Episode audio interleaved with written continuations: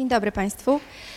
Bardzo miło, że tak licznie się Państwo stawiliście w dzień powszedni o, o tej godzinie. Ja się nazywam Aleksandra Brzezińska. E, jestem psychologiem i psychoterapeutą. E, na co dzień pracuję e, tutaj niedaleko, bo w Akademickim Centrum Psychoterapii i Rozwoju. I na co dzień zajmuję się psychoterapią osób dorosłych, ale również spotykam się często z osobami nastoletnimi, młodymi dorosłymi, starając się wspólnie z nimi rozwiązać różne trudności i kłopoty, które mm, dotykają ich w tym okresie. To, czym jeszcze się zajmuję, to dydaktyką. Tutaj w Szkole Wyższej Psychologii Społecznej prowadzę na piątym roku zajęcia z diagnozy, gdzie uczymy studentów e, takich e, wstępnych konsultacji e, z klientami, którzy zgłaszają się z różnymi trudnościami życiowymi. To tyle tytułem wstępu i przedstawienia mojej osoby. Dzisiaj będę mogła Państwu powiedzieć trochę o właśnie takim, myślę sobie, trudnym okresie, nie wiem, co Państwo na ten temat myślicie, ale pewnie skoro tu jesteście, to może jesteście tym zaciekawieni.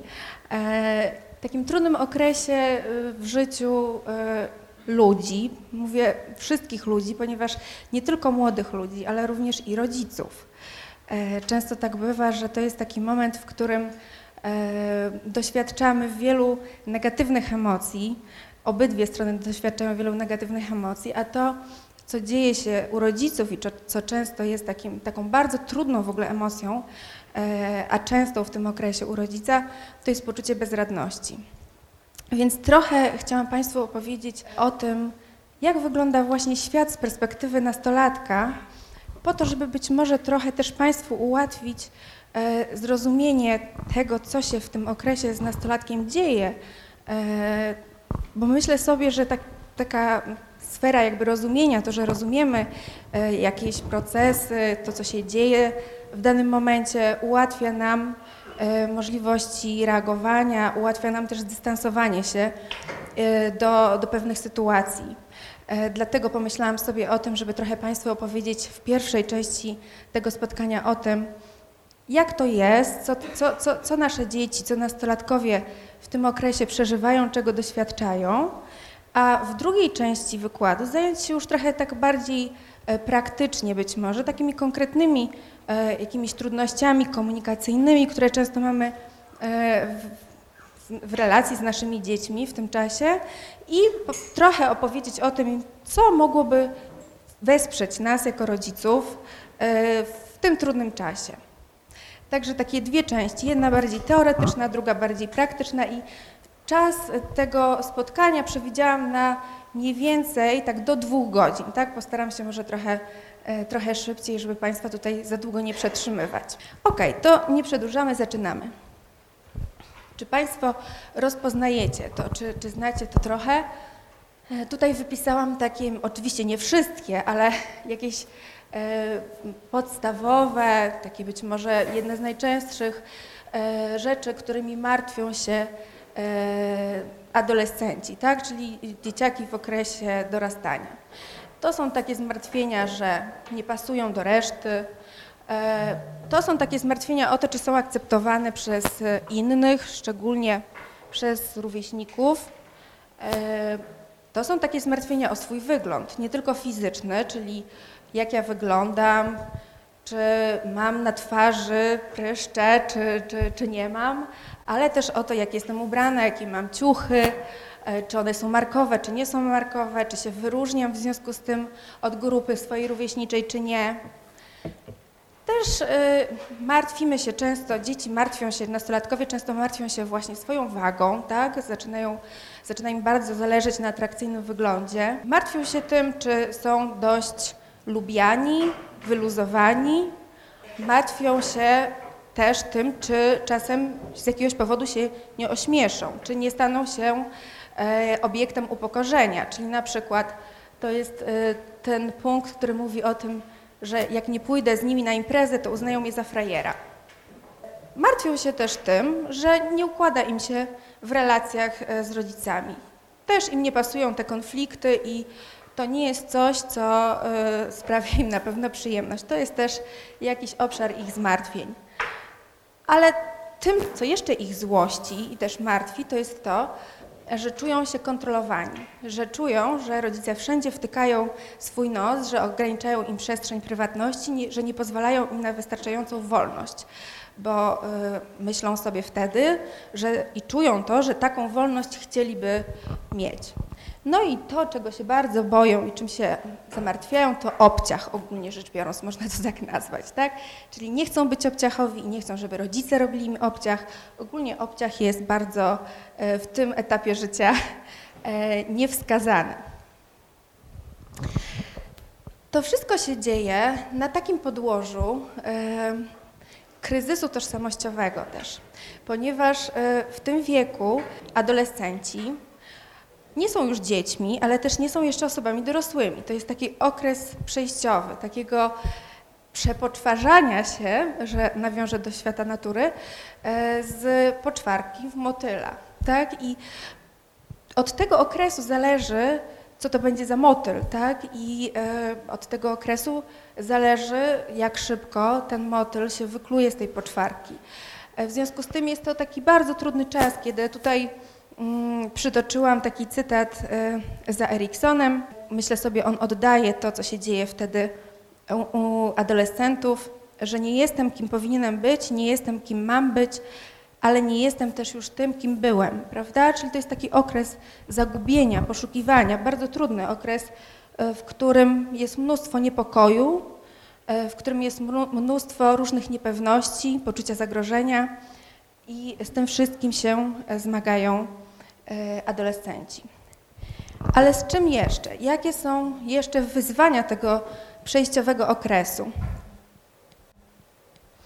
Mm, wyzwaniami tego przejściowego okresu jest ogólnie rzecz biorąc taki dosyć mocno widoczny, skokowy rozwój. I ten rozwój odbywa się na wielu bardzo poziomach. Na poziomie fizycznym, na poziomie emocjonalnym i na poziomie umysłowym. Tak, wszystko to E, zaczyna bardzo mocno pędzić do przodu. I dochodzi do zmian, którym końcowym etapem właśnie jest e, dorosłość. E, tak jak tutaj w tej sentencji Eriksona e, było powiedziane, stare wzorce i schematy już nie są aktualne, tak już nie można z nich czerpać. A nawet te stare wzorce i schematy e, są uważane właśnie za takie obciachowe często, prawda? Więc e, no, już jest taka potrzeba, żeby coś zmienić, żeby zastosować jakieś nowe, e, no ale na razie jeszcze mm, ten adolescent nie wie jakie, tak? Jeszcze nie, nie wypracował sobie nowych, w związku z czym tym bardziej może czuć się zagubiony. Więc to, co się dzieje, to poszukiwanie właśnie tych nowych wzorców, tej swojej roli, e, tego własnego obrazu siebie, odpowiedzenie sobie na pytanie, kim jestem, dokąd zmierzam i co chcę osiągnąć. To, na jaki grunt pada ten bardzo trudny czas, e, chciałam Państwu też przedstawić e, za pomocą e, takiego mm, odwołania się do zmian zachodzących w mózgu, ponieważ o tym zauważyłam, nie wiem jakie Państwo macie wrażenie, ale dosyć rzadko się mówi. Nie mówi się o tym. Mówi się o tym, że rzeczywiście adolescent się zmienia, że zmienia się jego ciało, fizyczność, seksualność, że zmieniają się jego jakieś operacje poznawcze, że zmienia się jego sfera emocjonalności. O tym wszystkim też za chwilę sobie powiemy, natomiast bardzo mało mówi się o tym, co się dzieje tak naprawdę y, w mózgu. Często miewamy takie założenie, że mózg adolescenta to jest taka y, no to jest mózg tak jak u osoby dorosłej, tak, że niczym się nie różni, że ten adolescent już powinien różne rzeczy wiedzieć, wyciągać wnioski, przewidywać konsekwencje, no bo przecież on już wszystko rozumie. I to jest, y, to jest takie zniekształcenie, tak, bo mm, niestety tak się dzieje, że ten mózg wciąż jeszcze nie jest do końca y, rozwinięty. On nie jest taki jak mózg człowieka dorosłego, ale żeby o tym Państwu e, szerzej powiedzieć, chciałam trochę e, Państwa e, zaznajomić, przypomnieć ogólnie o tym, jak ten mózg nasz się rozwijał w toku ewolucji, tak pokrótce. No więc najstarszą częścią naszego mózgu, która zawiaduje takimi podstawowymi funkcjami takimi jak metabolizm, regulowanie temperatury ciała, oddech. Jest pień mózgu. To jest ta część, która jest tutaj, o tutaj, przepraszam, że tak palcem pokazuję.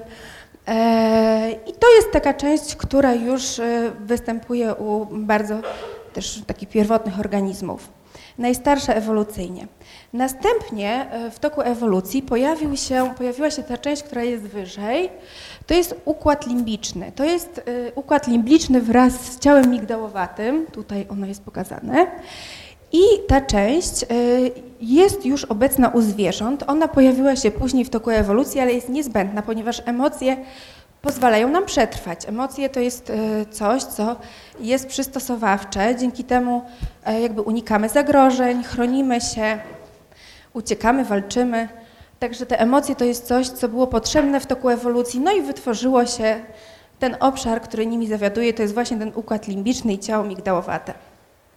I z tym już się rodzą też dzieci, z pełni ukształtowanym ciałem migdałowatym, układem limbicznym. Natomiast z czym się nie rodzą w pełni ukształtowanym, a mianowicie z najwcześniejszym obszarem ewolucyjnie, y, czyli korą, E, I ta e, część mózgu, przełączę może już, e, ta nowa kora to jest ta wierzchnia część mózgu, która jest odpowiedzialna za analizowanie informacji, przetwarzanie informacji poznawczych, logiczne myślenie, możliwość skupiania uwagi, wyciąganie wniosków z różnych wydarzeń, czyli to nam pozwala planować, przewidywać konsekwencje. Szczególnie przednia część płata czołowego, lewego płata czołowego jest za to odpowiedzialna. I z tym e, się gotowym nie rodzimy. Tak, to dopiero się kształtuje, dopiero się rozwija w ciągu, w toku naszego życia. I tego jeszcze tej części mózgu w pełni ukształtowanej nie mają nasi adolescenci. Ona się kształtuje do 25 roku życia.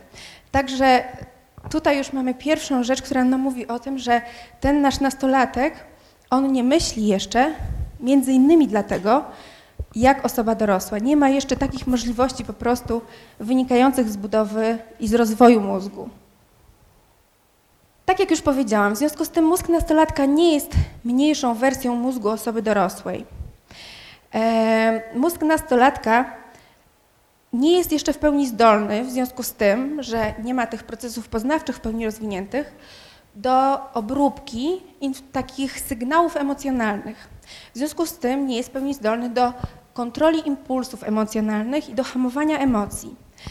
Co się do tego jeszcze przykłada?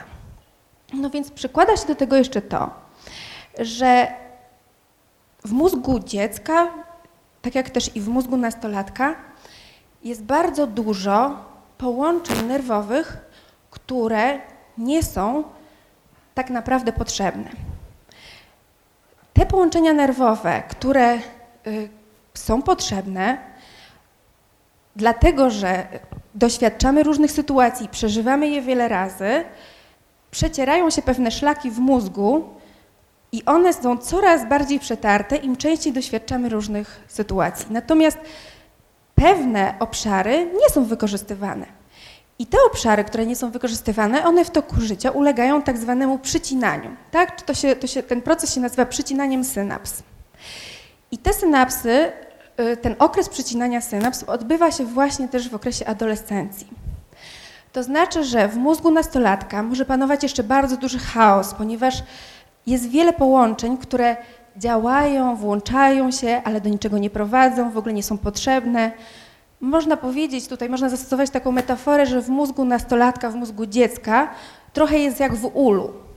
Po prostu bardzo duży chaos informacyjny, który trudno jest czasami ogarnąć. Dorosły ma pod tym względem po prostu trochę łatwiej, ponieważ już te niepotrzebne połączenia są po prostu przycięte i one się nie włączają. Kolejną rzeczą, która dokłada się jeszcze do tego wszystkiego, jest proces mielinizacji komórek nerwowych. Mielinizacja to jest, e, mielina to jest taka otoczka, która się tworzy, otoczka białkowa, która się tworzy wokół nerwów. Tutaj taką metaforą, która może być pomocna w zrozumieniu tego, co, mm, co mam na myśli, jest, e, jak Państwo sobie wyobrazicie, kabel, który nie jest zaizolowany. I e, tak właśnie działają nerwy u dzieci i u nastolatków, które nie mają tej otoczki mielinowej, jak kabel bez izolacji, prawda? Czyli możemy sobie wyobrazić, że taki kabel bez izolacji to jest taki kabel, który ma, ulega wielu spięciom, przeciążeniom, tak? Że ta izolacja y, to jest coś, co pozwala doprowadzić y, pewien impuls od początku do końca, tak? Przyspiesza też transfer pewnych informacji. Jeżeli nie ma tej otoczki mielinowej, czyli tej, tej izolacji, to ten sygnał po drodze się gubi, ulega wielu spięciom, tak? Tak więc z powodu tego również dzieciom jest trudniej myśleć logicznie, y, ten proces myślowy doprowadzić do końca. To jest coś, co również bardzo utrudnia. Ta mielinizacja komórek nerwowych to jest taki proces, który odbywa się y, w mózgu y, do 20 roku życia mniej więcej. Tak, także nasz nastolatek jeszcze nie ma zaizolowanych przewodów po prostu w mózgu, tak można powiedzieć. No więc podsumowując, w tym mózgu nastolatka dzieje się bardzo dużo e, różnych procesów, różnych rzeczy. Przycinają się te zbędne, nieużywane połączenia, mm, również izolują się te przewody, rozwija się ta kora przedczołowa, lewy płat, który jest odpowiedzialny za właśnie to e, logiczne, racjonalne myślenie. E, I to wszystko w efekcie prowadzi do takiego większego opanowania, kontroli impulsów, lepszego planowania, lepszego myślenia. E, to wszystko służy po prostu e, większej możliwości hamowania emocji, podejmowania racjonalnych decyzji, planowania.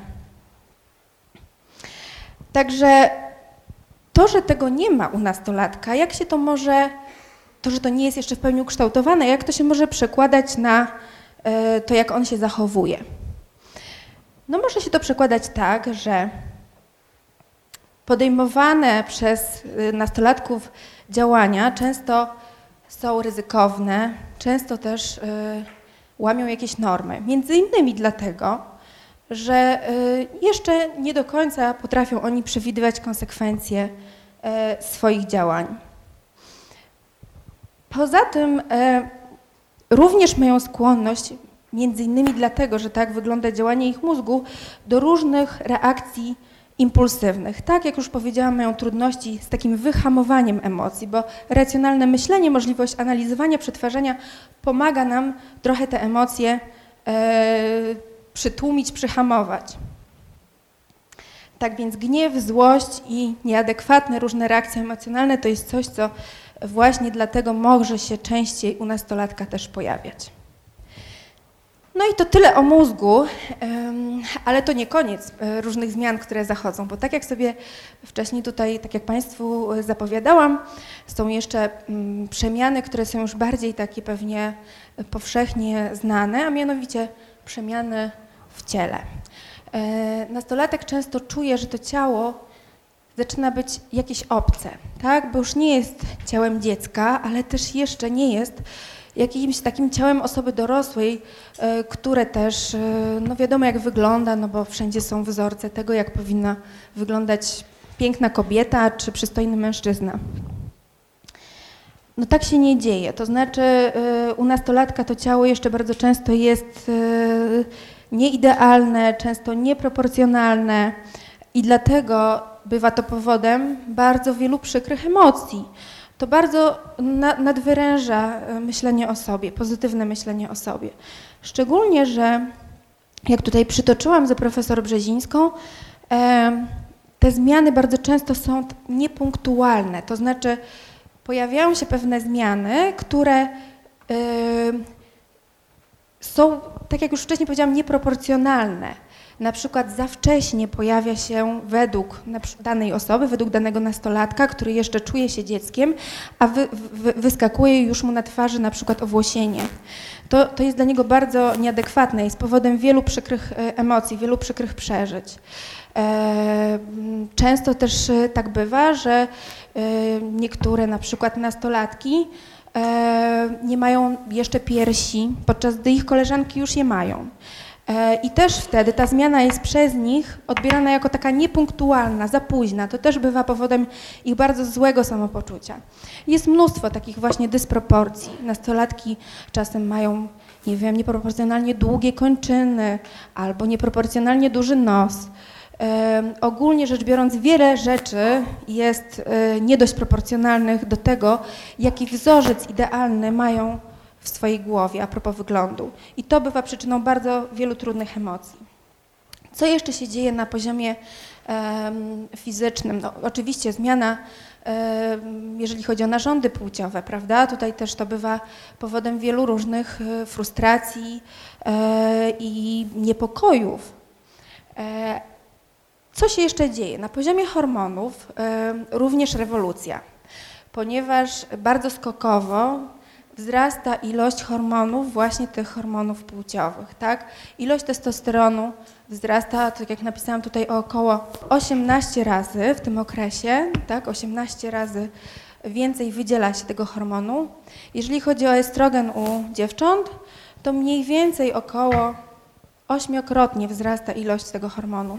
Jak Państwo wiecie, yy, poziom hormonów znacznie może wpływać na nasze funkcjonowanie. Myślę sobie, że no są takie stereotypy, ale rzeczywiście one mają dużo wspólnego z rzeczywistością. Nie wiem, kobiety w ciąży, po urodzeniu dziecka, prawda? Wiadomo, że e, te zmiany hormonalne mają bardzo duży wpływ na to, jak się czujemy i na naszą psychikę. To samo e, dotyczy naszych nastoletnich e, dzieciaków.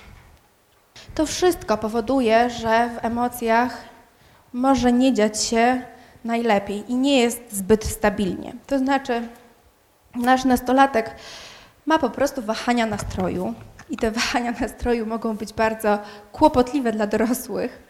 E, może e, od nastroju takiego wręcz euforycznego popadać w, jakąś, e, w jakiś ogromny dołek i smutek, albo w złość, rozdrażnienie, które przez dorosłych jest widziane jako rozdrażnienie bez powodu, bez jakiejś konkretnej zewnętrznej sytuacji, która mogłaby to wywołać.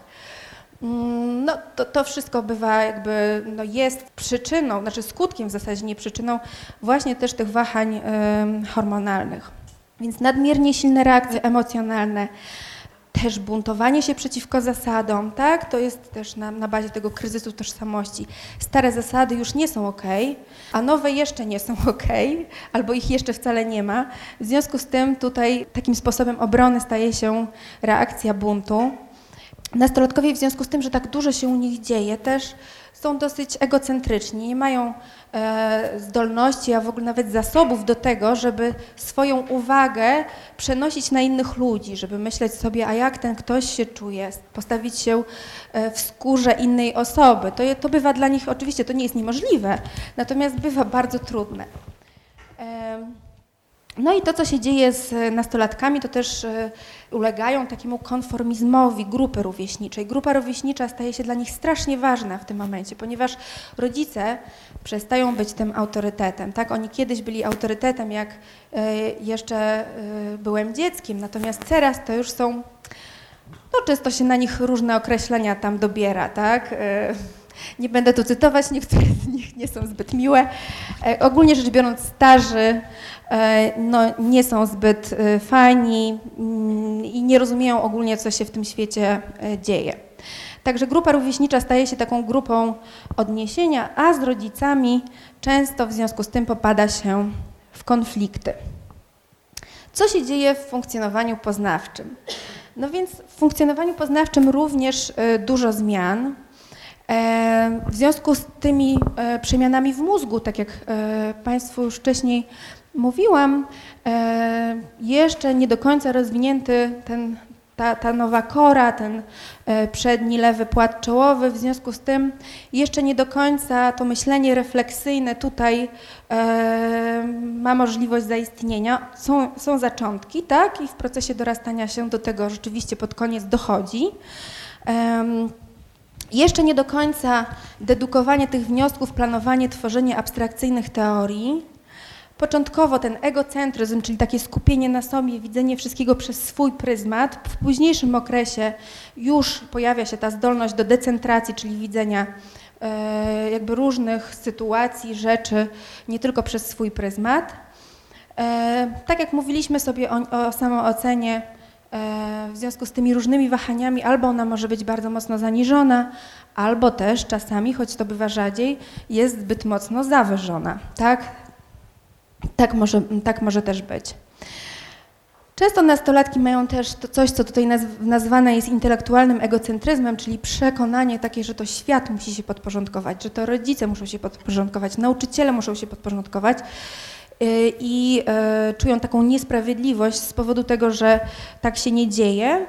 No i często też myślą sobie w takich kategoriach czarno-białych. Tutaj napisałam o idealizowaniu e, ponieważ y, jeżeli już wyznają jakieś teorie, to stają się ich wyznawcami bardzo często, tak? To jest takie popadanie ze skrajności w skrajność. I tutaj mm, wypisałam najczęstsze w związku z tym zniekształcenia poznawcze, czyli takie błędy myślowe, jakie mogą na, nastolatki w związku z tym popełniać.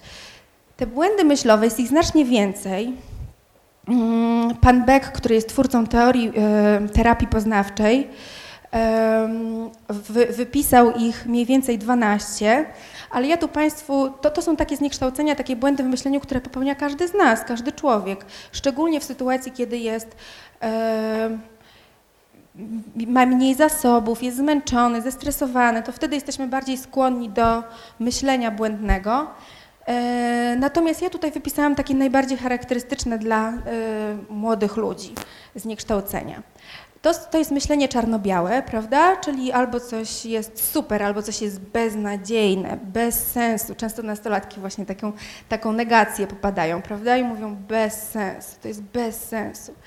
Co zresztą frustruje i nie dziwię się wcale e, rodziców i, i, i nauczycieli.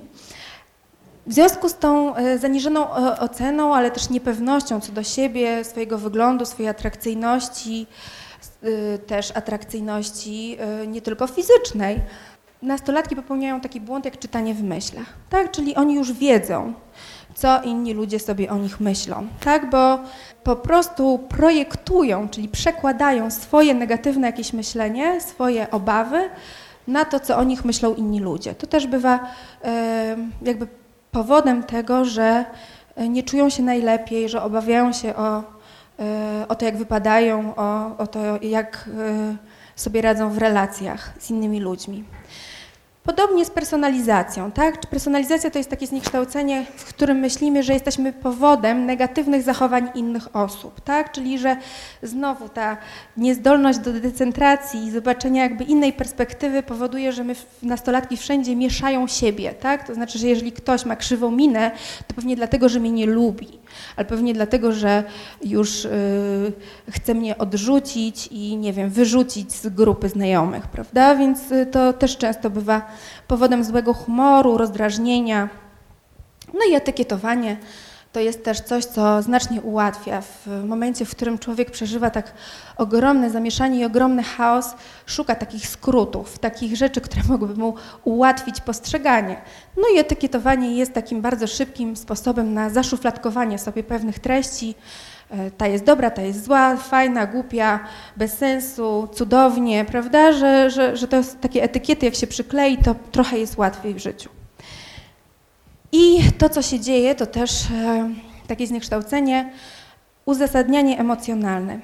Uzasadnienie emocjonalne to jest mm, takie myślenie, że skoro ja tak się czuję, to tak jest. Tak? Czyli skoro ja jestem tak smutna i tak zdołowana, to znaczy, że po prostu jest bardzo beznadziejnie, tak? To nie znaczy, że ja jestem smutna, bo mam zły humor, bo y, coś mi się nie udało, tak? Tylko to znaczy, że po prostu jest bardzo, bardzo źle, tak? Czyli te emocje powodują, że y, myślimy, że obiektywna rzeczywistość jest taka, jak te nasze emocje, tak? Mamy taki subiektywny pogląd na świat.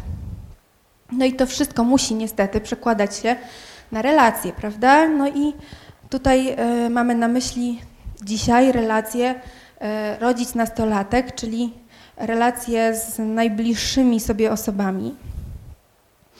I to, co powiedziałam przed chwilą, czyli ta rewolucja w ciele, w myślach, w emocjach, ten dorosły wygląd, ale jeszcze nie dość dorosły człowiek w tym ciele, To, że nasze dziecko przypomina coraz bardziej człowieka dorosłego, nie wiem, dziewczyny e, często się malują, e, noszą mm, takie ubrania jak dorosłe kobiety, e, często są takiego samego wzrostu albo nawet i wyższe od swoich rodziców. W związku z czym ta dorosłość jest tutaj trochę myląca i dla rodziców, ale też i dla dzieci. No i do tego się wszystkiego dokładają obawy, rodziców szczególnie, prawda? No bo niby mam człowieka dorosłego, ale w zasadzie on nie zachowuje się jak dorosły. I to powoduje, że zaczynamy się po prostu martwić, zaczynamy się obawiać, zaczynamy sobie myśleć, co będzie, e, jak on sobie poradzi, e, co on robi, czy nie robi czegoś, co go doprowadzi do, no, sprowadzi na jakąś złą ścieżkę, prawda? To jest coś, co powoduje, że rodzice często się martwią, i często wpadają w poczucie bezradności, ponieważ e, te stare sposoby, które używali dotychczas, nie działają już e, na nastolatków. Działały może mniej lub bardziej na dzieci, ale na nastolatki już niekoniecznie. Więc e, co, co, co się dzieje jeszcze, co jest takim procesem ważnym w tej relacji rodzic-nastolatek? Mm, to jest taki moment, w którym powinno się odbyć E, tak jak tu napisałam, zredefiniowanie ról, czyli ponowne ustawienie się w rolach, jeżeli chodzi i o dzieci, i o rodziców.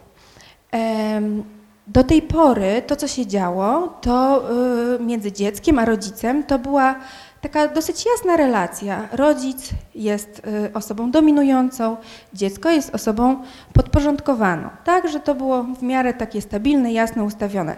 Natomiast y, to już nie działa, tak? Teraz już tak nie jest. E, mamy tutaj do czynienia, widzimy przed sobą osobę no, fizycznie dorosłą, wydawałoby się, prawda? Więc nastolatek Y, również tak siebie widzi.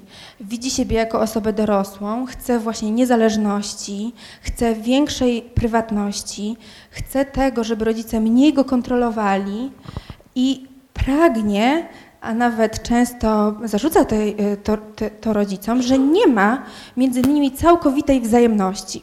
Na co właśnie ten zmartwiony rodzic, ten, który się martwi o przyszłość i widzi wybryki swojego dziecka, nie chce się zgodzić, tak? No bo jak tu e, wchodzić we wzajemne relacje z kimś, kto robi tyle nieodpowiedzialnych rzeczy, prawda? Że to jest bardzo trudne. I y, rodzic w tym momencie ma również zamieszanie, ponieważ z jednej strony widzi tego człowieka dorosłego, no i e, myśli sobie o tym, że powinien mieć już większe oczekiwania, prawda, tak jak do człowieka dorosłego.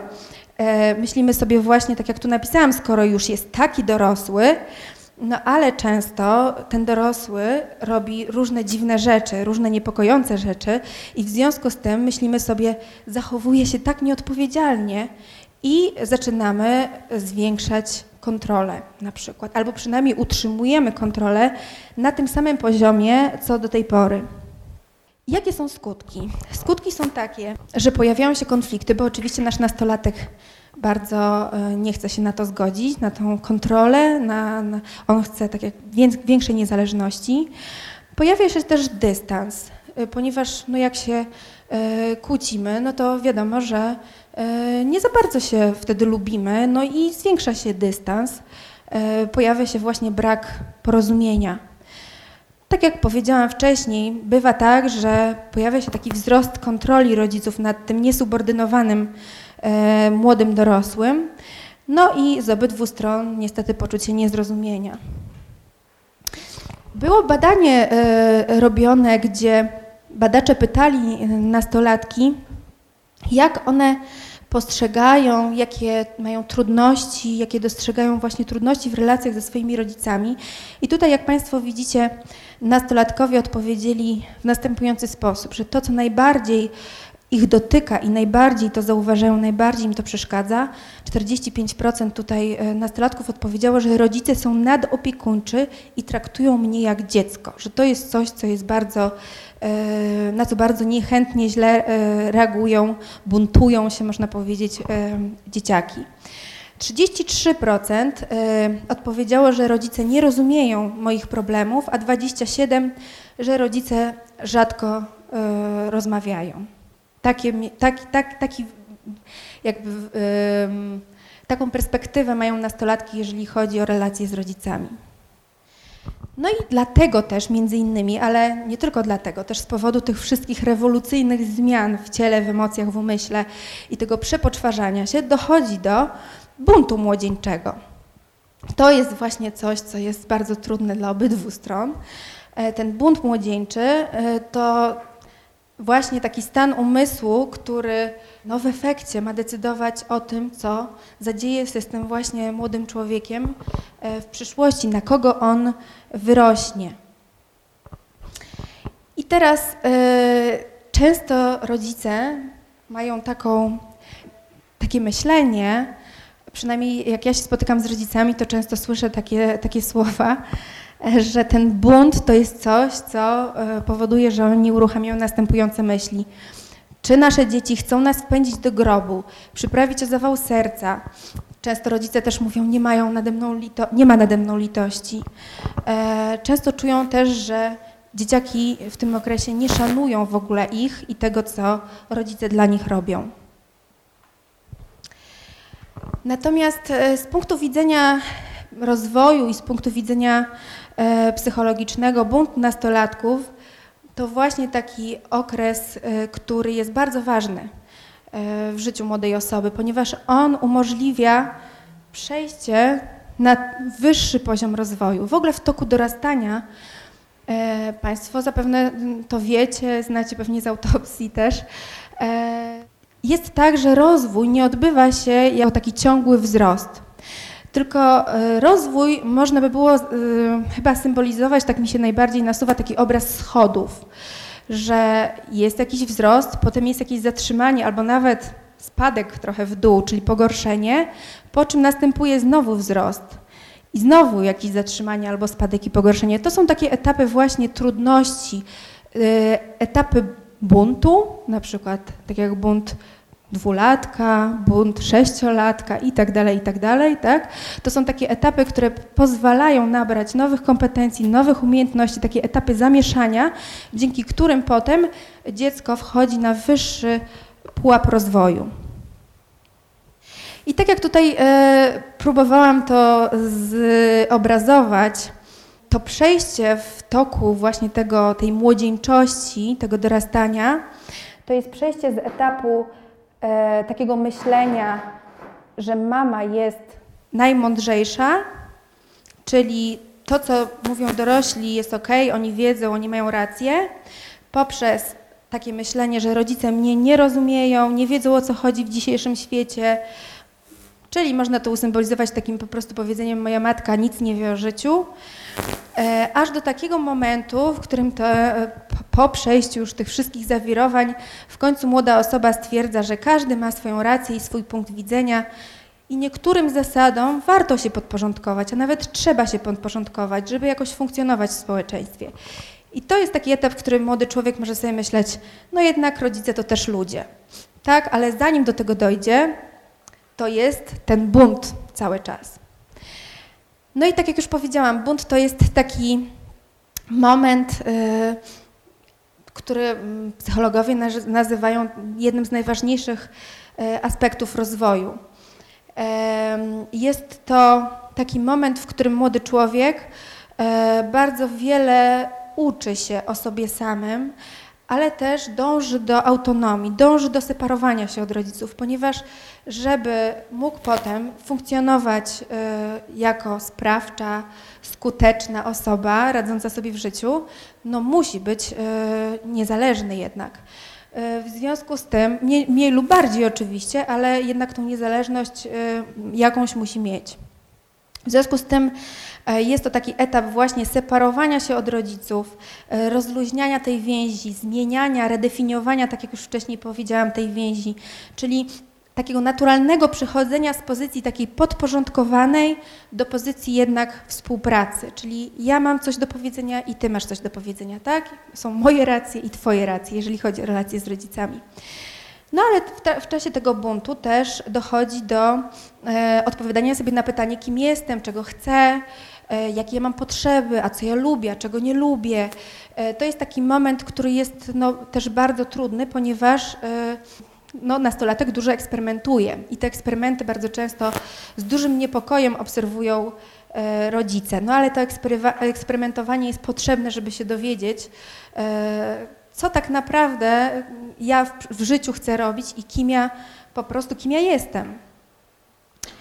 Więc powszechnie rozumiany bunt to jest taki, taki obrazek, że to jest nastolatek, który jest e, taki lekceważąco podchodzący do dorosłych, mm, e, jakoś e, popadający w jakieś ekstremalne czasem e, zachowania, nieadekwatne, destrukcyjne czasami. Takie są obawy rodziców. Ale bunt to także są pozytywne zachowania. To są takie zachowania, jak tutaj e, starałam się e, Państwu wypisać, czyli e, dzieciaki zaczynają poszukiwać jakichś idei, które mogą przyswoić i mogą jakoś propagować, szukają jakiegoś określonego stylu życia, czasami się też angażują w jakąś aktywność twórczą, zaczynają pisać wiersze, nie wiem, blogi, jakieś opowiadania. To może się też przejawiać w wyglądzie zewnętrznym, prawda? No bo skoro stają się wyznawcami i propagatorami jakiejś idei, to mogą też w specyficzny sposób zacząć się ubierać, zacząć słuchać specyficznej e, muzyki, tak? I oni to robią e, rzeczywiście e, w taki sposób dosyć, no, często skrajny, tak? Więc to też może niepokoić rodziców, bo odbija się to też w zachowaniu, w wyglądzie.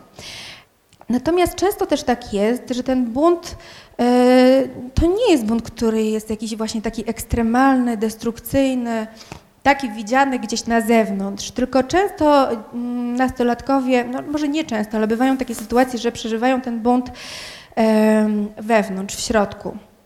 I to może się przejawiać e, w taki sposób, że oni wycofują się, zamykają się w sobie, zamykają się w swoim pokoju, dużo czasu spędzają, nie wiem, przed komputerem na przykład, albo robiąc coś i nie zapraszając y, do tego innych osób i też rodziców również.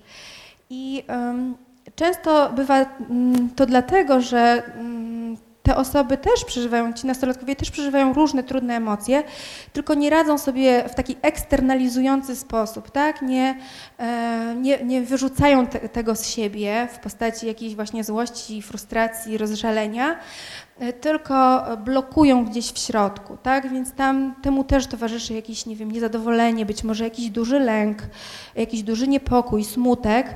Mm, natomiast nie jest to e, napięcie, które temu towarzyszy, e, wentylowane po prostu poprzez te różne e, takie impulsywne, nieadekwatne z punktu widzenia dorosłych reakcje.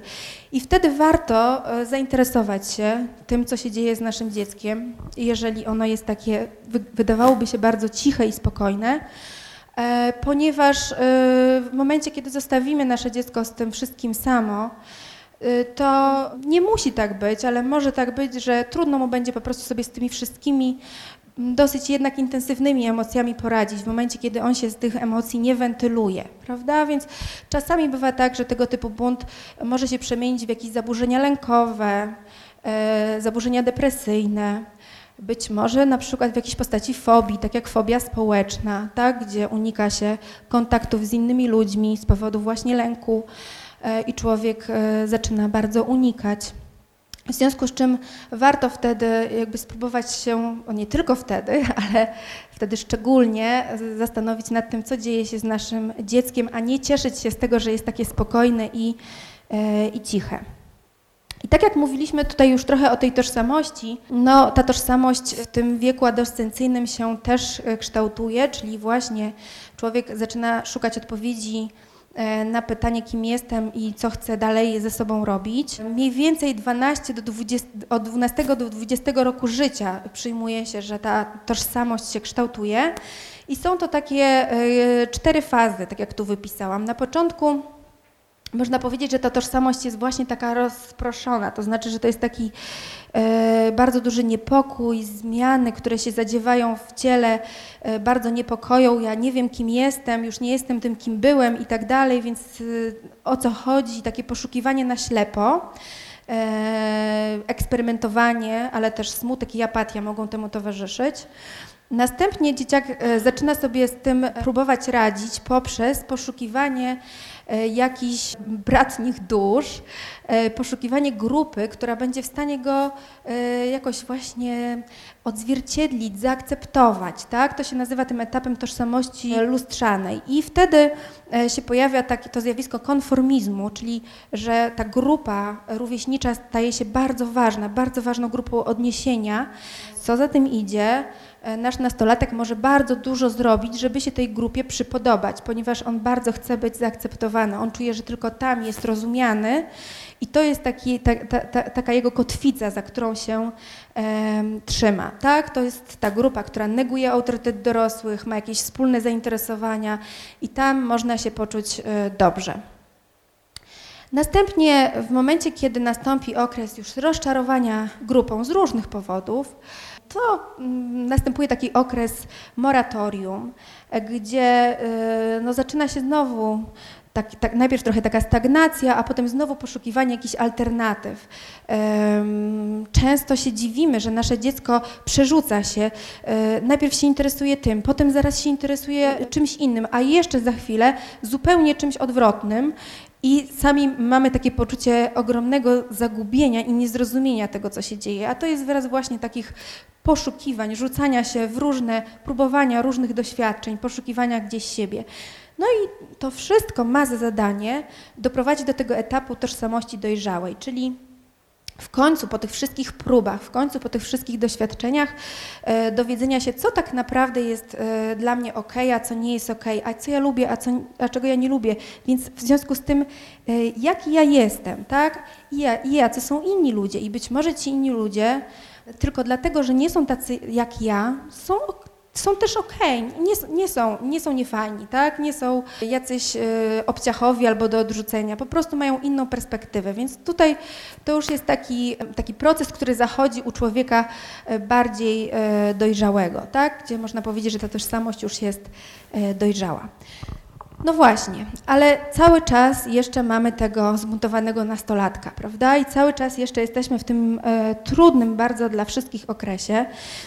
I tutaj Załączyłam takie e, zdjęcie do tej prezentacji, bo często tak wygląda rodzic nastolatka. Nie wiem, czy Państwo się z tym jakoś zgadzacie. No właśnie, taka osoba, która po prostu już nie wie, co ma robić i nie wie w ogóle, do czego to wszystko doprowadzi. I często miewajmy takie myśli, to było takie dobre dziecko, na nic nie reaguje, ani groźbą, ani prośbą. Żadnej odpowiedzialności, tylko je, śpi i nigdy nie ma go w domu. Wszystko robi na ostatnią chwilę. Z kim on się spotyka? Nie wyniknie z tego nic dobrego. Ale się ubrała, jest minusowa temperatura. Czy ona nie jest za chuda? Co robi tyle czasu w łazience? Gdy ja byłam w jego wieku. Prawda? Czyli to są takie często jakieś myśli, a nawet stwierdzenia, które w tym okresie e, wypowiadamy i mamy, no, wynikające właśnie z tego całego zamieszania, z tej całej bezradności. I co w związku z tym się dzieje? W momencie, w którym jesteśmy bezradni, no to naturalnym mechanizmem człowieka jest radzenie sobie z tą bezradnością, ponieważ emocja bezradności jest jedną z najtrudniejszych emocji w ogóle.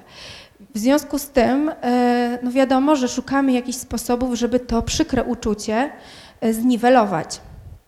Jak to robimy? No często takimi tradycyjnymi e, sposobami radzenia sobie właśnie z tą własną bezradnością i z tym, jak się zachowują nasze dzieci, co robią, jest zwiększenie kontroli. Czyli na bezradność receptą jest kontrola, tak? To powoduje, że zaczynamy ingerować w różne strefy życia dorastającego dziecka po to, żeby uchronić je od błędów, uchronić je od różnych niebezpieczeństw, które właśnie za, za rogiem czyhają.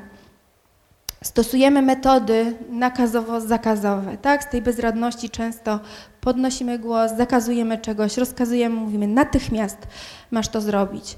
E, jak już nie wytrzymujemy i puszczają nam też emocje, bo dorośli też e, często miewają momenty, że nie wyhamowują, mimo tego, że już mózg jest w pełni dojrzały, w trudnych sytuacjach nie wyhamowują e, negatywnych emocji, pojawia się krytyka, ocena, jakieś negatywne stwierdzenia, e, ale też to, w czym często przodują dorośli, jest dawanie rad, ponieważ mamy wrażenie, że jeżeli damy tą radę, wytłumaczymy, powiemy, no to nasze dziecko to usłyszy, zastosuje i tym samym uchronimy je od różnych przykrych y, doświadczeń. No ale y, jak to działa? Jak to działa? Czy to jest dobry sposób? No okazuje się, że być może niekoniecznie, ale za tym, o tym za, za chwileczkę, bo żeby y, o tym porozmawiać, to myślę, że wcześniej musimy chwilę przystanąć y, i porozmawiać na temat takiego zjawiska, jakim jest reaktancja. Reaktancja to jest inaczej opór psychologiczny. E, to pan Brem właśnie kiedyś opisywał to e, zjawisko i on powiedział, że to jest takie dążenie do przywracania wolności wyboru, czyli każdy człowiek e, ma ten mechanizm reaktancji. Różnimy się tylko tym, czy ten opór psychologiczny uruchamiamy wobec takiego ograniczenia wolności mniej, lub bardziej. Tym się różnimy. Natomiast każdy z nas e, tak reaguje na ograniczenie wolności. Czyli jeżeli ktoś nam próbuje coś narzucić lub czegoś nakazać, no to my wtedy możemy reagować zwiększeniem oporu, tak? Czyli tu już trochę zaczynamy mieć odpowiedź na to, dlaczego to nasze nasilenie kontroli, które, jest, e, które mm, stosujemy w wyniku naszej bezradności i buntu e, naszych dzieci, może być przeciwskuteczne. Ono niestety działa paradoksalnie, nasilając opór. I teraz jak w związku z tym sobie z tym poradzić? Ten opór psychologiczny to jest, tak jak mówiłam, zjawisko uniwersalne. Ono nie dotyczy tylko nastolatków, ale każdego człowieka, również ludzi dorosłych. I w związku z tym, że ten opór psychologiczny pojawia się także w relacji terapeuta-klient, były badania e, prowadzone nad skutecznością interwencji terapeutycznych między innymi mierzono tutaj, badano e, właśnie to zjawisko oporu psychologicznego, żeby wiedzieć, jak po prostu je rozumieć i jak się z nim można uporać, żeby człowiek, klient mógł lepiej korzystać z terapii. No i e, wyniki tych badań były następujące, że interwencje terapeutyczne, e, niedyrektywne, czyli nie nakazujące, nie takie kontrolujące, sprzyjały zwiększeniu poczucia odpowiedzialności i kontroli nad sytuacją. Wyrabiały w kliencie, który przychodzi do terapeuty, takie większą motywację wewnętrzną do różnych zmian, większe poczucie własnej skuteczności i sprawczości. Więc jakie są e, wnioski? Wnioski z, tego, z tych badań nad skutecznością e, psychoterapii są takie, że to nie kontrola, lecz wzajemne zrozumienie i współpraca mogą stworzyć pozytywną atmosferę w relacji rodzic-nastolatek i ograniczyć ten, e, te efekty buntu młodzieńczego. Ale wiem, co Państwo sobie myślicie. Pewnie myślicie sobie, no tak, e, jak to ładnie brzmi, wzajemne zrozumienie i współpraca, prawda? Tylko tylko jak to zrobić wobec tych wszystkich e, kłopotów, trudności, wobec tych wszystkich negatywnych emocji, impulsywnych działań? No więc myślę sobie, że trzeba pewnie zacząć od odpowiedzenia sobie na pytanie, jaki jest nasz podstawowy cel w wychowaniu dzieci. Czyli co chcemy osiągnąć, jakiego dorosłego chcemy wychować. Czy chcemy, aby nasze dziecko było posłuszne, aby było miłe, aby dobrze się uczyło, aby było solidne, aby było schludne, szczupłe, aby robiło to, czego od niego wymagamy? Czy może naszym celem jest to, aby nasze dziecko było człowiekiem, który potrafi kierować swoim życiem, człowiekiem, który dąży do samorealizacji z godnością i szacunkiem do siebie i innych, akceptuje siebie, także swoje słabsze strony, jest świadomy swoich mocnych stron, jest autonomiczny i ma poczucie sprawczości, to myślę sobie, że jest pytanie, które musimy sobie na początku postawić, żeby wiedzieć, jaką metodę wychowawczą mamy wybrać i w jaki sposób chcemy się porozumiewać z naszym młodym dorosłym. Tymczasem, jak się z nim porozumiewamy bardzo często? Bardzo często w różnych trudnych sytuacjach stosujemy następujące metody.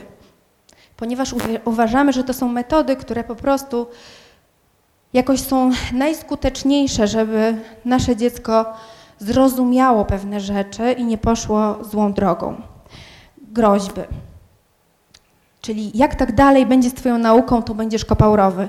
Muszę Państwu powiedzieć, że ja spotykając się z już dorosłymi też osobami, bardzo często jak dochodzimy do różnych przekonań na temat tego, co oni myślą o sobie, o świecie, dochodzimy do tego typu właśnie takich e, mądrości wyniesionych właśnie z domu, takich zlepków e, założeń, które gdzieś przekazywane były z pokolenia, pewnie na pokolenie, nieraz to są rzeczywiście przekazy pokoleniowe, w które te osoby nadal wierzą, które stają się w przyszłym życiu jakimś powodem pewnych trudności, negatywnych emocji, które miewają. Także e, muszą być bardzo zwarci i gotowi, bo jak nie, to grozi im duża katastrofa. E, obwinianie, oskarżanie. Nigdy nie możesz tego niczego zrobić na czas. E, kwestionowanie. To też jest e, częste, że nasze dziecko coś przeżywa, a my chcąc, oczywiście wychodząc z dobrych intencji, bo chcemy je pocieszyć, chcemy pokazać, że nie jest tak źle, niestety zaczynamy kwestionować to, co czuję, mówiąc, nic wielkiego się nie stało. Gdybyś wiedział, jakie ja mam problemy, albo nie wygaduj głupot. E, do mniejszych dzieci często też mówimy, nie wiem, nie bój się, nie wstydź się, tego typu komunikaty, nic się nie stało, jak dziecko upadnie, prawda? To już taki wyświechtany slogan, że często tak mówimy do, do naszych dzieci, podczas gdy stało się, bo boli, prawda? Więc jakby kwestionujemy w ten sposób przeżycia naszego dziecka, które są autentyczne. E, zaprzeczanie emocjom.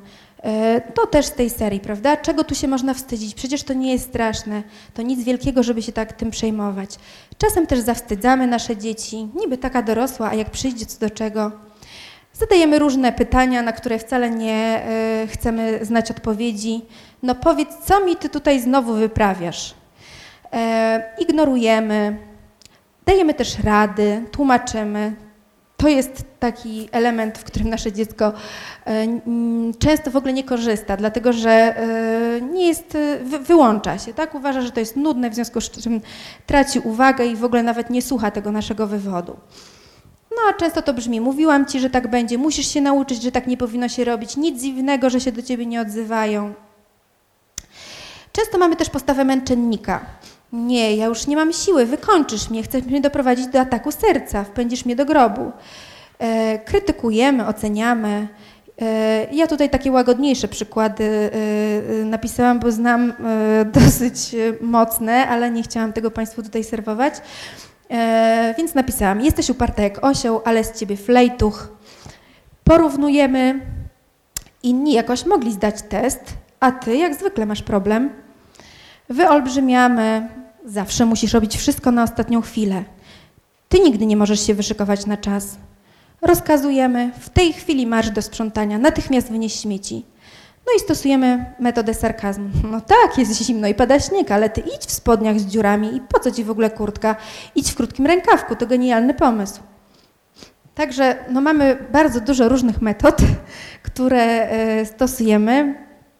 Taka prośba o taką refleksję żeby pomyśleć sobie i zastanowić się, może Państwo sami to poczuli, jak ja to czytałam, co można czuć, słysząc takie komunikaty, jaką wiedzę o sobie można też zbudować, słysząc to wszystko.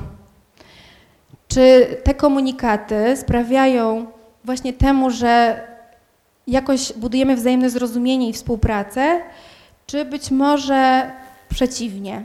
Czy dzięki tego rodzaju komunikatom możemy stworzyć właśnie jakąś dobrą atmosferę sprzyjającą rozwojowi naszego dziecka i osiągnąć właśnie być może te cele wychowawcze, e, żeby nasze dziecko stało się e, takim sprawczym, skutecznym, akceptującym siebie młodym człowiekiem.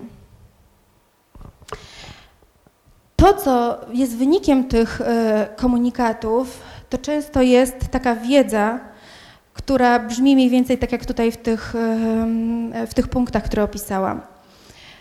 Przez te komunikaty mówimy dziecku, że ono nie wie tego, co wie, że nie powinien czuć tego, co czuje, że nie myśli tego, co mówi i ogólnie nie jest ok. Więc co można zrobić? Bo obiecałam Państwu trochę informacji na temat tego, jak, w jaki sposób w takim razie można dojść do tej współpracy i do tego porozumienia, bo to jest wcale nie jest łatwe.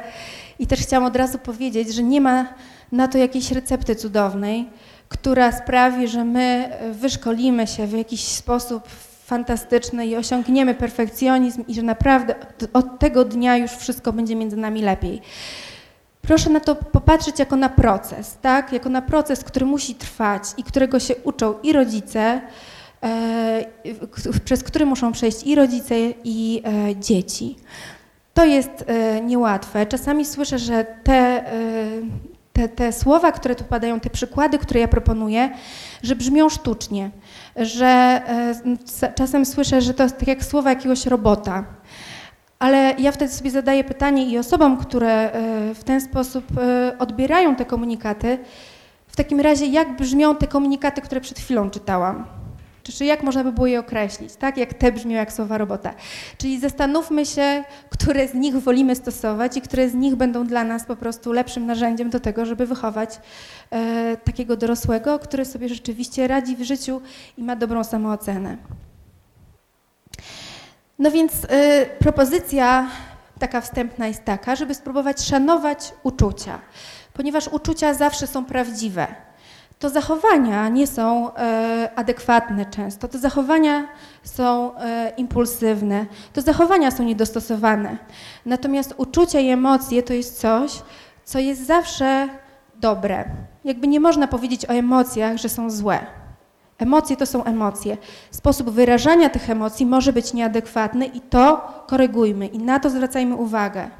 I to rzeczywiście jest rolą rodzica, żeby nauczyć dziecko, w jaki sposób taki przystosowawczy, adekwatny do sytuacji wyrażać te emocje, ale emocje zawsze są ok. Także pierwsza taka rada, żeby szanować uczucia i aktywnie słuchać. I jak to można zrobić? Czyli zamiast odrzucać, lekceważyć uczucia, krytykować, dawać rady, żeby aktywnie słuchać. To aktywne słuchanie wydawać się może całkiem proste, bo to, co ja Państwu zaraz zaproponuję, może nawet y, trochę przyprawić Państwa o uśmiech na twarzy. Natomiast proszę wypróbować, nie jest to wcale łatwe, y, ponieważ wymaga to trochę zmiany nawyku. Czyli tak, zamiast mówić, teraz masz za swoje, tyle razy ci mówiłam, bardzo ci tak dobrze, może w końcu się czegoś nauczysz, z tobą jest tak zawsze. Możemy po prostu aktywnie słuchać, czyli proszę zobaczyć, czego to wymaga. Możemy nic nie mówić, kiwnąć głową ze zrozumieniem. Możemy powiedzieć, aha, ach tak, rozumiem, ojej. Czyli naprawdę wymaga to tylko powstrzymania swoich automatycznych reakcji, tylko albo i aż, tak? bo to e, wcale nie jest takie łatwe. Następnie, bo to jeszcze nie koniec, warto byłoby pomóc dziecku, ponieważ tak jak wiemy już z tego powodu całego zamieszania hormonalno-cielesno-emocjonalno-poznawczo-neurobiologicznego, może mieć on trudność w zebraniu myśli i określeniu po prostu tego, co czuje. I to dorosły właśnie jest tym tutaj przewodnikiem i pomocą. W związku z tym możemy powiedzieć, wygląda na to, że cię to złości. Widzę, że jesteś rozgoryczona, masz tyle nauki, a wolałabyś się spotkać z koleżankami. Pewnie cię to rozczarowało.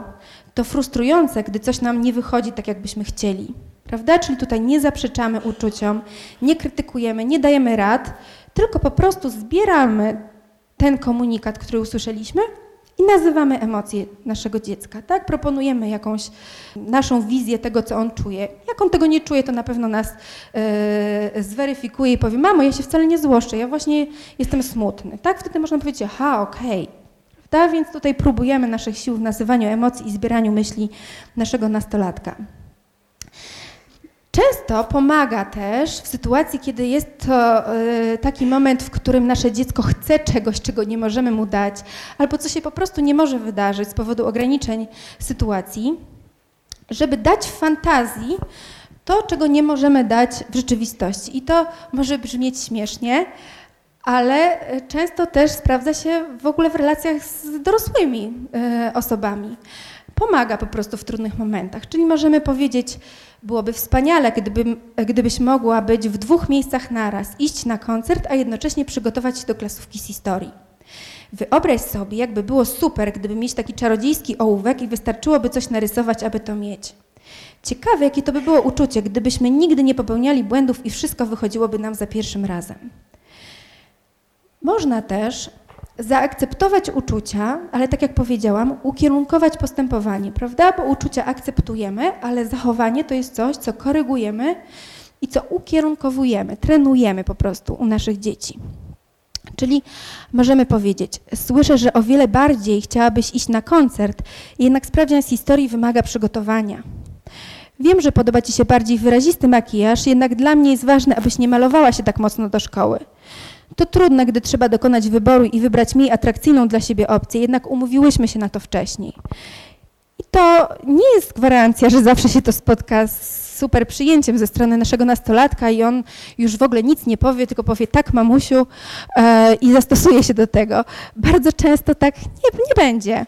Natomiast, e, tak jak powiedziałam, jest to jakiś proces i jest to taka informacja dla naszego dziecka, że mama nie, y, nie, nie, nie, nie staje, że tak powiem, naprzeciwko mnie, nie walczymy ze sobą, tylko mówi mi, że wie, słyszy, rozumie, co ja czuję i co chcę, natomiast też mówi mi o tym, że są takie, a to takie zasady, których trzeba się trzymać. Trzymanie, zasad, y, trzymanie się zasad jest po prostu trudne, więc dlatego nie zawsze od razu to wychodzi. To jest właśnie ten y, aspekt do trenowania.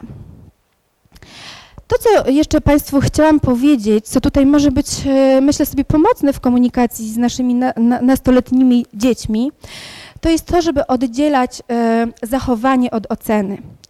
Czyli to, żeby e, zwracać uwagę, trochę, trochę próbować ćwiczyć sobie, wyzbywać się nawyku oceniania, a bardziej e, zwracać się ku opisowi zachowania.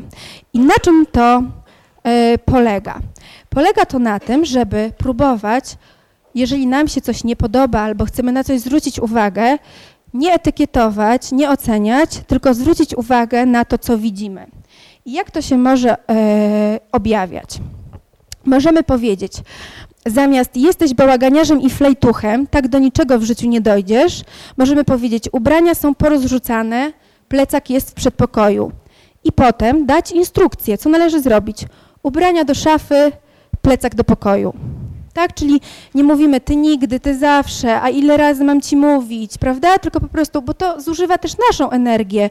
Yy, powoduje, że my też sami zaczynamy coraz bardziej czuć negatywne emocje, prawda? Więc jakby zaoszczędzimy tym samym sobie yy, i dziecku, mówiąc co, gdzie, bardzo krótko, bez yy, rozwijania się. Co jeszcze możemy robić? Zamiast rozkazów, czyli na przykład masz to zrobić natychmiast w tej chwili, możemy powiedzieć, czego oczekujemy i dać wybór. To jest bardzo ważne w tym okresie życia, bo tak jak sobie już tutaj powiedzieliśmy, to jest taki moment, w którym nasze dziecko chce od nas więcej współpracy, chce od nas, chce trochę więcej y, mieć wpływu na sytuację. Tak, chce E, abyśmy dali mu tę możliwość. W związku z czym bardzo ważne jest, żeby rzeczywiście w jakiś ograniczony oczywiście sposób dostosowany do państwa e, przekonań, do państwa zasad i możliwości jednak dawać ten wybór dziecku. Nie nakazywać, żeby od razu już natychmiast coś zrobiło, bo tak jak wcześniej mówiliśmy, to na pewno spowoduje, że nasze dziecko zareaguje oporem, prawda? Trochę na złość mamie odmroży sobie uszy. W związku z tym, zamiast rozkazywać, możemy powiedzieć, oczekuję, że posprzątasz pokój i mimo tego, że wolelibyśmy, żeby to się zadziało natychmiast, dać wybór, zrobisz to dziś czy jutro.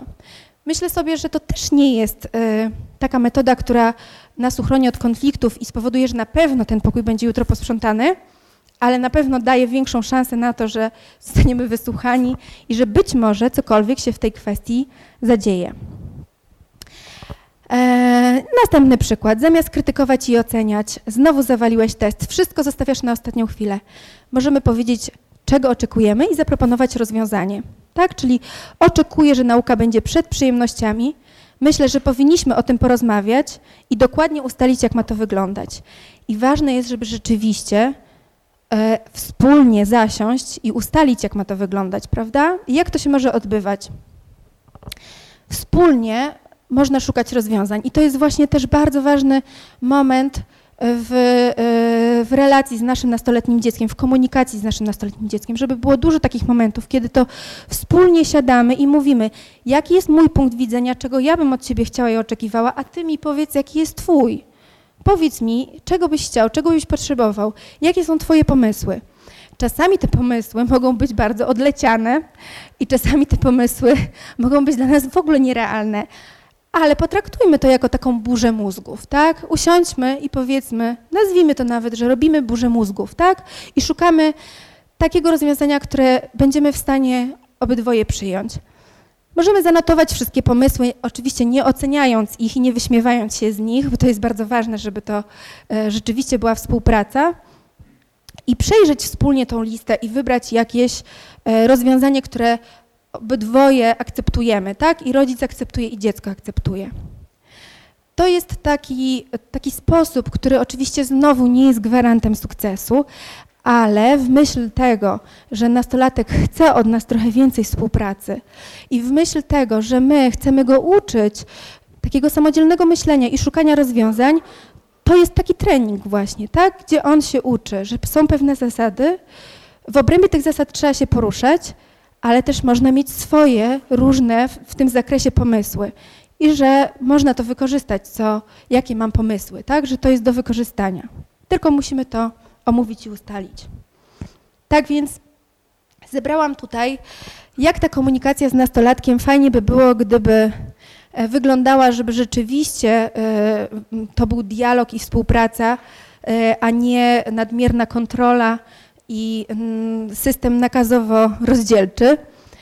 Czyli zamiast wydawać rozkazy, opisujemy problem. Zamiast atakować, piszmy, jak się z tym czujemy. Tak możemy powiedzieć, że ja e, jestem bardzo, no, możemy powiedzieć, że jestem wściekła, gdy się tak dzieje. Jestem wściekła, gdy, e, gdy proszę cię o coś i to jest niezrobione. Tak możemy się też podzielić e, z naszym nastoletnim dzieckiem, jak to na nas wpływa. E, zamiast obwiniać, udzielamy informacji. Zamiast grozić, proponujemy wybór. Zamiast, zamiast długich kazań, mówimy jednym słowem. E, zamiast wytykać, co jest złe, mówimy o swoich oczekiwaniach. Zamiast pełnych złości napomnień, możemy zrobić różne zaskakujące, e, przepraszam, rzeczy.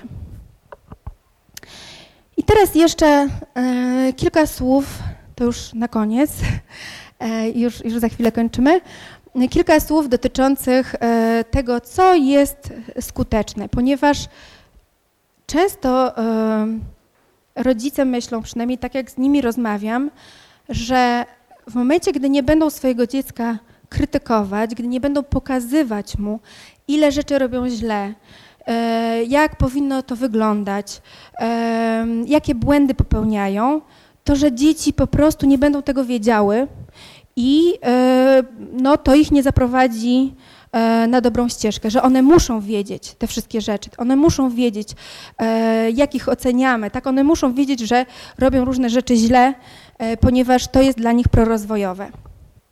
No więc badania naukowe nad procesami warunkowania, tutaj nie będę Państwu już szerzej o tym mówić, żeby nie zanudzać, w każdym razie uwierzcie mi Państwo, że takie badania były robione, cała psychologia behawioralna się tym zajmuje, e, udowadniały nam, że to, na co my rzucamy nasze światło, reflektor uwagi, jest wzmacniane. Tak? Czyli w momencie, w którym dostarczamy naszemu dziecku jakichś informacji i na przykład częściej te informacje są negatywne, możemy być pewni, że utrwalamy to w naszym dziecku. Czyli jak mówimy, jesteś bałaganiarzem, utrwalamy mu takie myślenie o tym, że jest bałaganiarzem, prawda?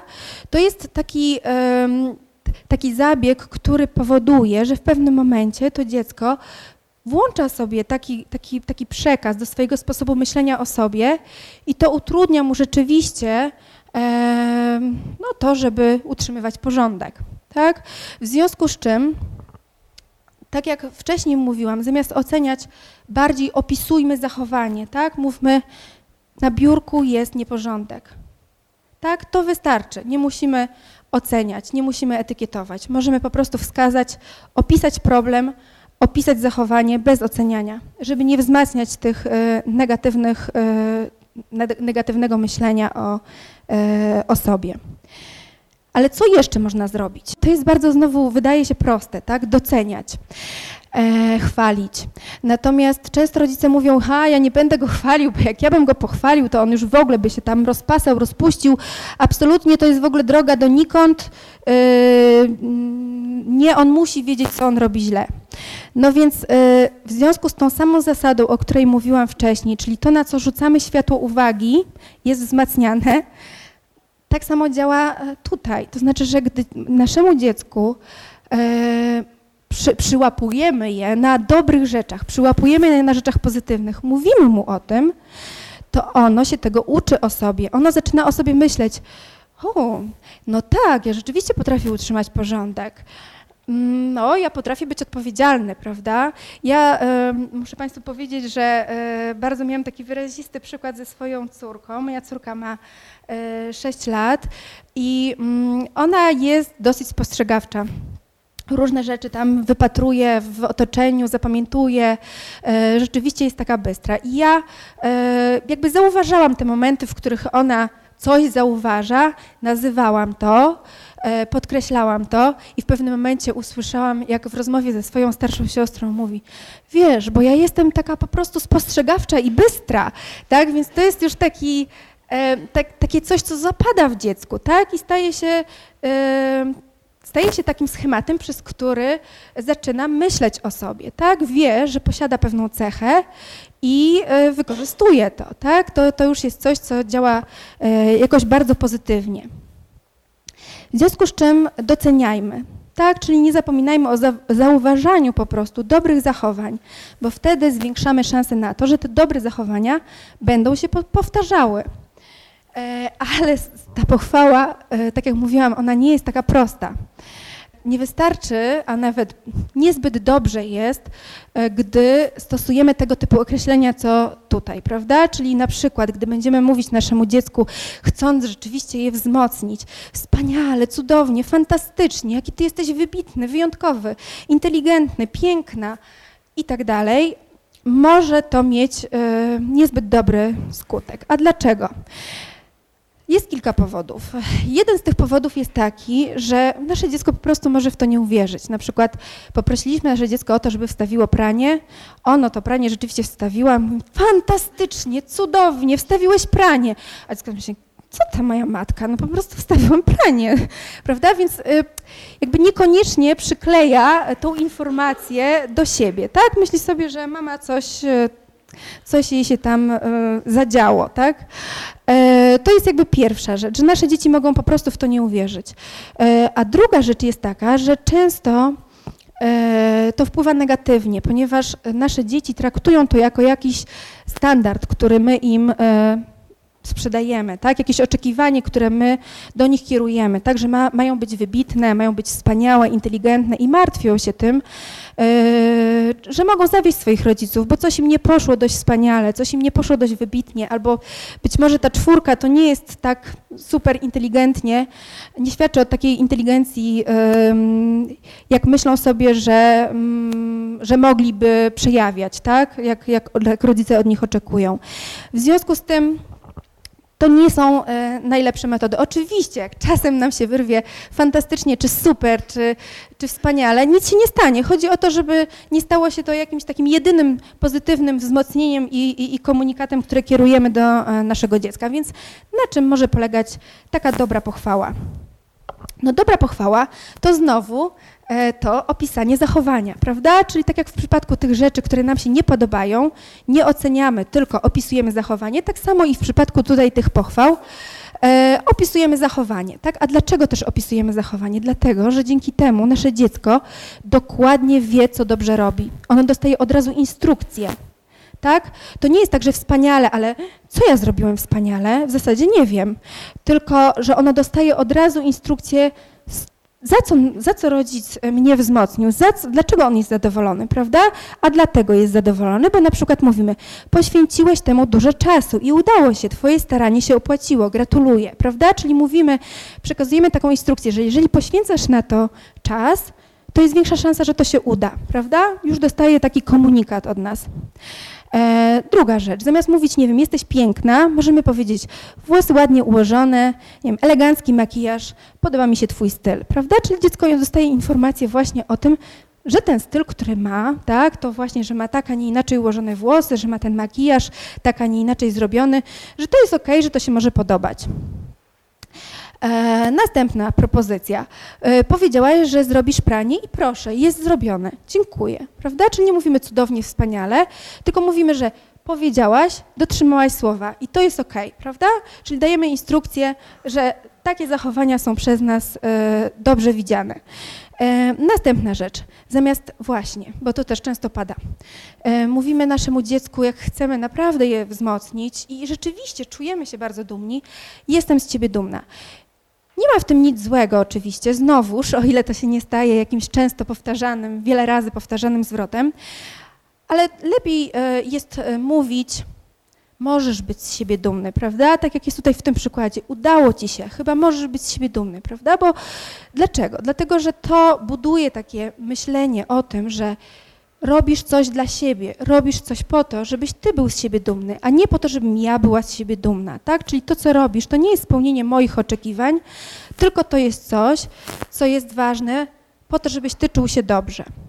E, tak jak mówię, proszę nie traktować tego też tak właśnie restrykcyjnie, w tym sensie, że e, mówienie jestem z ciebie dumna jest za każdym razem złe i musimy się powstrzymywać od tego. Nie chciałabym, żeby to tak zabrzmiało. E, mówię tylko o mechanizmie, prawda? Żebyśmy wzmacniali taką wewnętrzną motywację w myśleniu dziecka, a nie żeby się kierowało jakimiś naszymi oczekiwaniami czy standardami. No i na koniec literatura.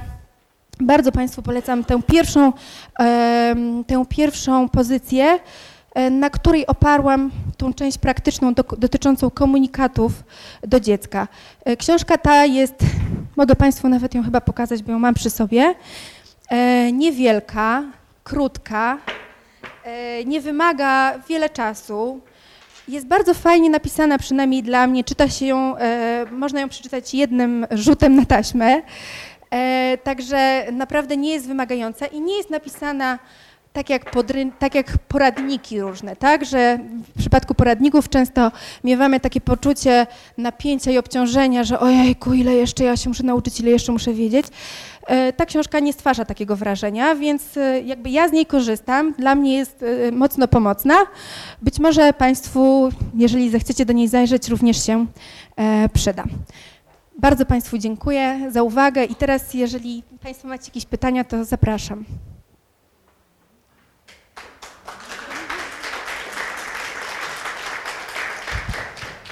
Dziękuję bardzo. Czy jakieś pytania może Państwo macie? Dzień dobry. E, ja chciałem zapytać e, o taką sprawę, jak, czy, czy w ogóle zajmuje się tym Pani albo literatura, e, czy są różnice dotyczące płci? Znaczy nawet, znaczy tam są więcej, większa możliwość kombinacji jest, ale w pierwszej kolejności chodzi mi z punktu widzenia rodziców, czy ta rola rodzica, jeżeli chodzi o matkę i ojca, jest tutaj troszkę różna w przeprowadzeniu dzieci przez ten okres, czy nie? No i ewentualnie dodatkowa kombinacja, czyli w stosunku do dziewczynki lub chłopca, tak? E, I to jest pytanie. A przy okazji jeszcze pozwolę sobie dwie wątpliwości wyrazić, jeżeli mogę. Tak, bardzo proszę. Takie też na zasadzie pytań troszkę, tak? E, one dotyczą jak gdyby rozwoju w czasie, tak? To znaczy e, pierwsza jest taka, że zastanawiam sobie, zastanawiam się, że tych wszystkich rzeczy nie wiedzieliśmy my, nie wiem, pani, która się tym zajmuje, ani, ani ludzie, którzy pisali te książki, mieli rodziców, którzy mogli o tym nie wiedzieć, tak? O tych wszystkich zaletach, o których teraz mówimy, czy tych wszystkich e, wskazówkach, a mimo wszystko jakoś nas wychowali, jakoś do tych wniosków doszliśmy, tak? Więc zastanawiam się, jak to jest możliwe, to, to po pierwsze. E, a po drugie, a po drugie, e, zastanawiam się nad tym, czy oczywiście te wszystkie kwestie związane z rozwojem dziecka jako, jako człowieka, tak, czy nastolatka, No rozumiem, że one były obecne zawsze, tak? Jeżeli chodzi o jakieś fizjologiczne historie i tak dalej, o których Pani wspominała. No, zastanawiam się też, na ile częścią problemu mm, w wychowaniu nastolatków jest jednak presja otoczenia, tak? Kultury czy cywilizacji dookoła, bo ona też się zmienia, tak? Ona jest bardziej dynamiczna w czasie, wydaje mi się, niż e, te czynniki wewnętrzne, że tak powiem, tak? E, I w związku z tym e, zastanawiam się na przykład nad tym, na ile zmienia się rola takich osób, no bo znowuż weźmy mm, pod uwagę czasy starsze, jeszcze dużo starsze niż naszych rodziców. Często nastolatkowie to były osoby, które były już zupełnie mm, pełnoprawnymi obywatelami, że tak powiem, tak? I pełniły wszystkie funkcje typu rozrodcze, rodzicielskie i tak dalej, i tak dalej. I na przykład zastanawiam się, czy to nie było jednym z powodów, dla których na przykład w rodzinach wielodzietnych, kiedy starsze dziecko zajmowało się młodszym, lub stawało się rodzicem, że ono musiało, mimo tych wszystkich mechanizmów, o których Pani mówi, to odpowiedzialność przyjmować i mm, czy do prac domowych się przyzwyczajać, prawda, i tak dalej, i tak dalej. Czyli czy, czy troszkę nie jest tak, że pomimo tego całego tła naturalnego, no duży wpływ ma tutaj jednak y, kultura i cywilizacja, tak, w której, w której żyjemy. Dziękuję. Okej, okay, dziękuję bardzo. Y, teraz nie wiem, czy ja to wszystko zapamiętam, co Pan powiedział, bo dosyć dużo tego było, ale po kolei. E, wpływ e, płci, tak? Tutaj Pan mówił na początku o tym wpływie płci. No więc jak najbardziej e, jest to ważne, tak? W przypadku chłopców, bo od tego Pan zaczął, ojciec odgrywa tu bardzo dużą rolę, ponieważ tak na dobrą sprawę bardzo dużą rolę w rozwoju człowieka, w nabywaniu różnych przekonań o sobie, świecie, sposobów radzenia sobie, ma taki mechanizm, o którym tutaj nie wspominałam. No niestety o wszystkim się nie dało po prostu tutaj też wspomnieć, tak jak i o tych różnych uwarunkowaniach kulturowych ma wpływ modelowanie. Tak, czyli naśladowanie. Tak? To jest jeden z takich bardzo ważnych, e, bardzo, jedna z takich bardzo ważnych metod uczenia się. I my się uczymy poprzez obserwacje, poprzez obserwacje właśnie wzorców, jakimi są dla nas no, osoby dorosłe siłą rzeczy, prawda, najbliższe nam. W związku z czym w momencie, w którym w rodzinie brakuje na przykład ojca, tak, albo jeżeli chodzi o chłopca, albo dużo pracuje, czy nie wiem, dużo wyjeżdża, to w tym momencie on nie może czerpać od niego e, różnych, e, nie wiem, wzorców, nie może uczyć się sposobów radzenia sobie. To oczywiście ma wpływ na jego późniejsze życie, mniej lub bardziej. Tak? Często osoby dorosłe, które się do mnie zgłaszają, które nie miały e, pełnej rodziny, nie wiem, rodzice byli rozwiedzieni, rozwiedzeni albo ojciec we wczesnym etapie dzieciństwa opuścił rodzinę na przykład, tak się zdarzyło, tak, i, i potem już nie miał styczności, no to często te, ci mężczyźni mają różne kłopoty takie gdzieś dotyczące samooceny, tak? Takie odrzucenie gdzieś przez tatę, nieobecność e, taty e, ma często wpływ na to, jak oni myślą o sobie, e, o swojej roli jako mężczyzny, czy czują się męscy, czy czują się niemęscy, jak, jak potem wchodzą w relacje z kobietami, tak? Że to rzeczywiście jest taki duży brak, brak ważnego wzorca zachowania, tak? Oni mogą obserwować mamę, taty nie. I to samo się tyczy dziewczyn, tak? To jest jakby mm, mniej więcej podobnie, tak? Że e, no, mamy pewne uwarunkowania, że tak powiem, płci, uwarunkowania kulturowe i tak na dobrą sprawę e, to, jacy gdzieś tam jesteśmy, jakie są standardy, uczymy się po prostu od naszych rodziców, tak? Jeżeli któregoś z nich brakuje, to brakuje nam właśnie jakiegoś ważnego kawałka, które potem e, albo musimy nadrabiać w toku naszego życia, przypatrując się innym dorosłym. Na przykład często jest tak, że jak takie osoby, którym brakuje jakiegoś wzorca, wchodzą w relacje, załóżmy, nie wiem, ze swoją partnerką czy dziewczyną, obserwują jej rodziców, obserwują, jak to się dzieje w e, danej rodzinie i zaczynają po prostu sobie przyłączać pewne wzorce reagowania. Część przyłączą, część nie, część nie bo już na część jest za późno, tak, żeby tak za pomocą takiego właśnie modelowania sobie to jakoś e, przyswoić. Natomiast e, no, w różny sposób jest to jakoś tam po, później do nadrobienia. Także tak, to ma e, duży wpływ. Następna rzecz, o którą Pan mówił, to zdaje się te kulturowe uwarunkowania, jeżeli chodzi o rozwój nastolatka, tak, że poza tymi zmianami różnymi wewnętrznymi wpływa na, e, na nastolatków otoczenie, to co się dzieje, jeżeli chodzi o jakieś wyzwania mm, współczesnych czasów, tak, że to, to dobrze zapamiętałam, to, to Pan... aha, że rodzice nasi e, nie mieli jakby takiej, takiego komfortu, tak, żeby...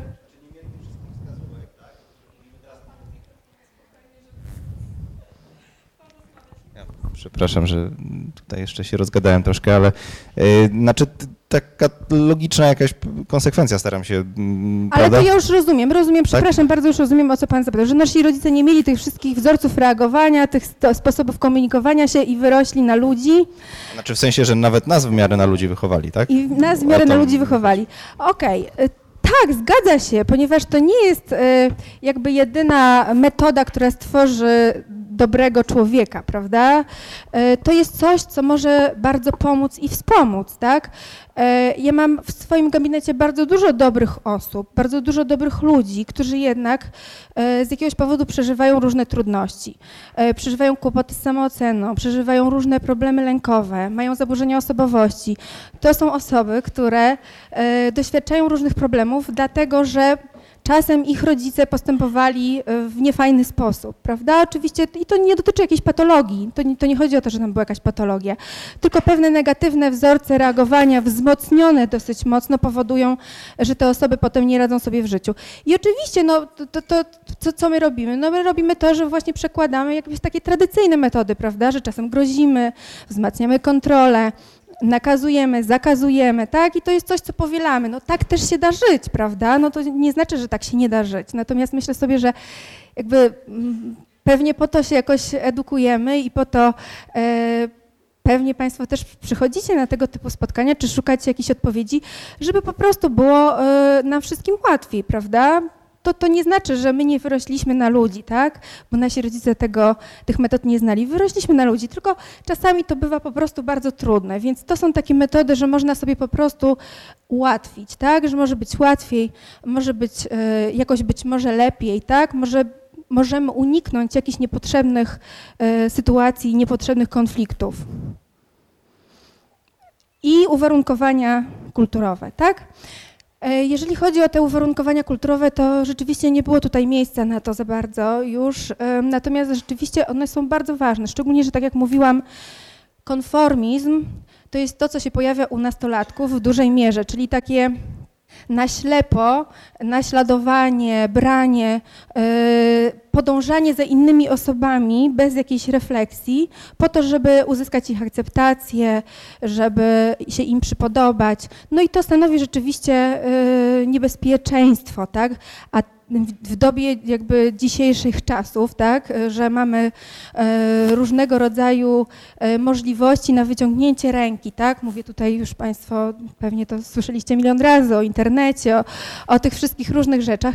Rzeczywiście staje się to mocno niebezpieczne. Ostatnio mm, i nie dziwię się, że rodzice się też martwią i denerwują, bo, bo jak najbardziej mają do tego prawo i powód. Ostatnio rozmawiałam z jedną ze swoich klientek, która mówiła właśnie o tym, że jak trudne jest teraz umawianie się, e, to, była, to jest dorosła osoba, ale a propos właśnie tych wyzwań kulturowych, jak trudno jest teraz umawianie się na randki, że w momencie, w którym się w pewnym okresie życia, taka była jej teza, nie zapozna jakiejś e, fajnej osoby, na przykład na studiach, e, czy gdzieś w jakimś miejscu, gdzie jest, są skupiska ludzi, to jest e, potem bardzo trudno poznać e, fajną, sensowną osobę. I jak zapytałam się jej, e, dlaczego tak jest, dlaczego tak myśli, to ona mi powiedziała, że no bo kiedyś to było tak, że ludzie się spotykali właśnie bardziej na żywo, tak? Albo na przykład zapoznawali się przez znajomych, nie wiem. Spotykali się, załóżmy, w jakichś miejscach, nie wiem, w restauracjach czy, czy gdzieś, tak, e, na kawę.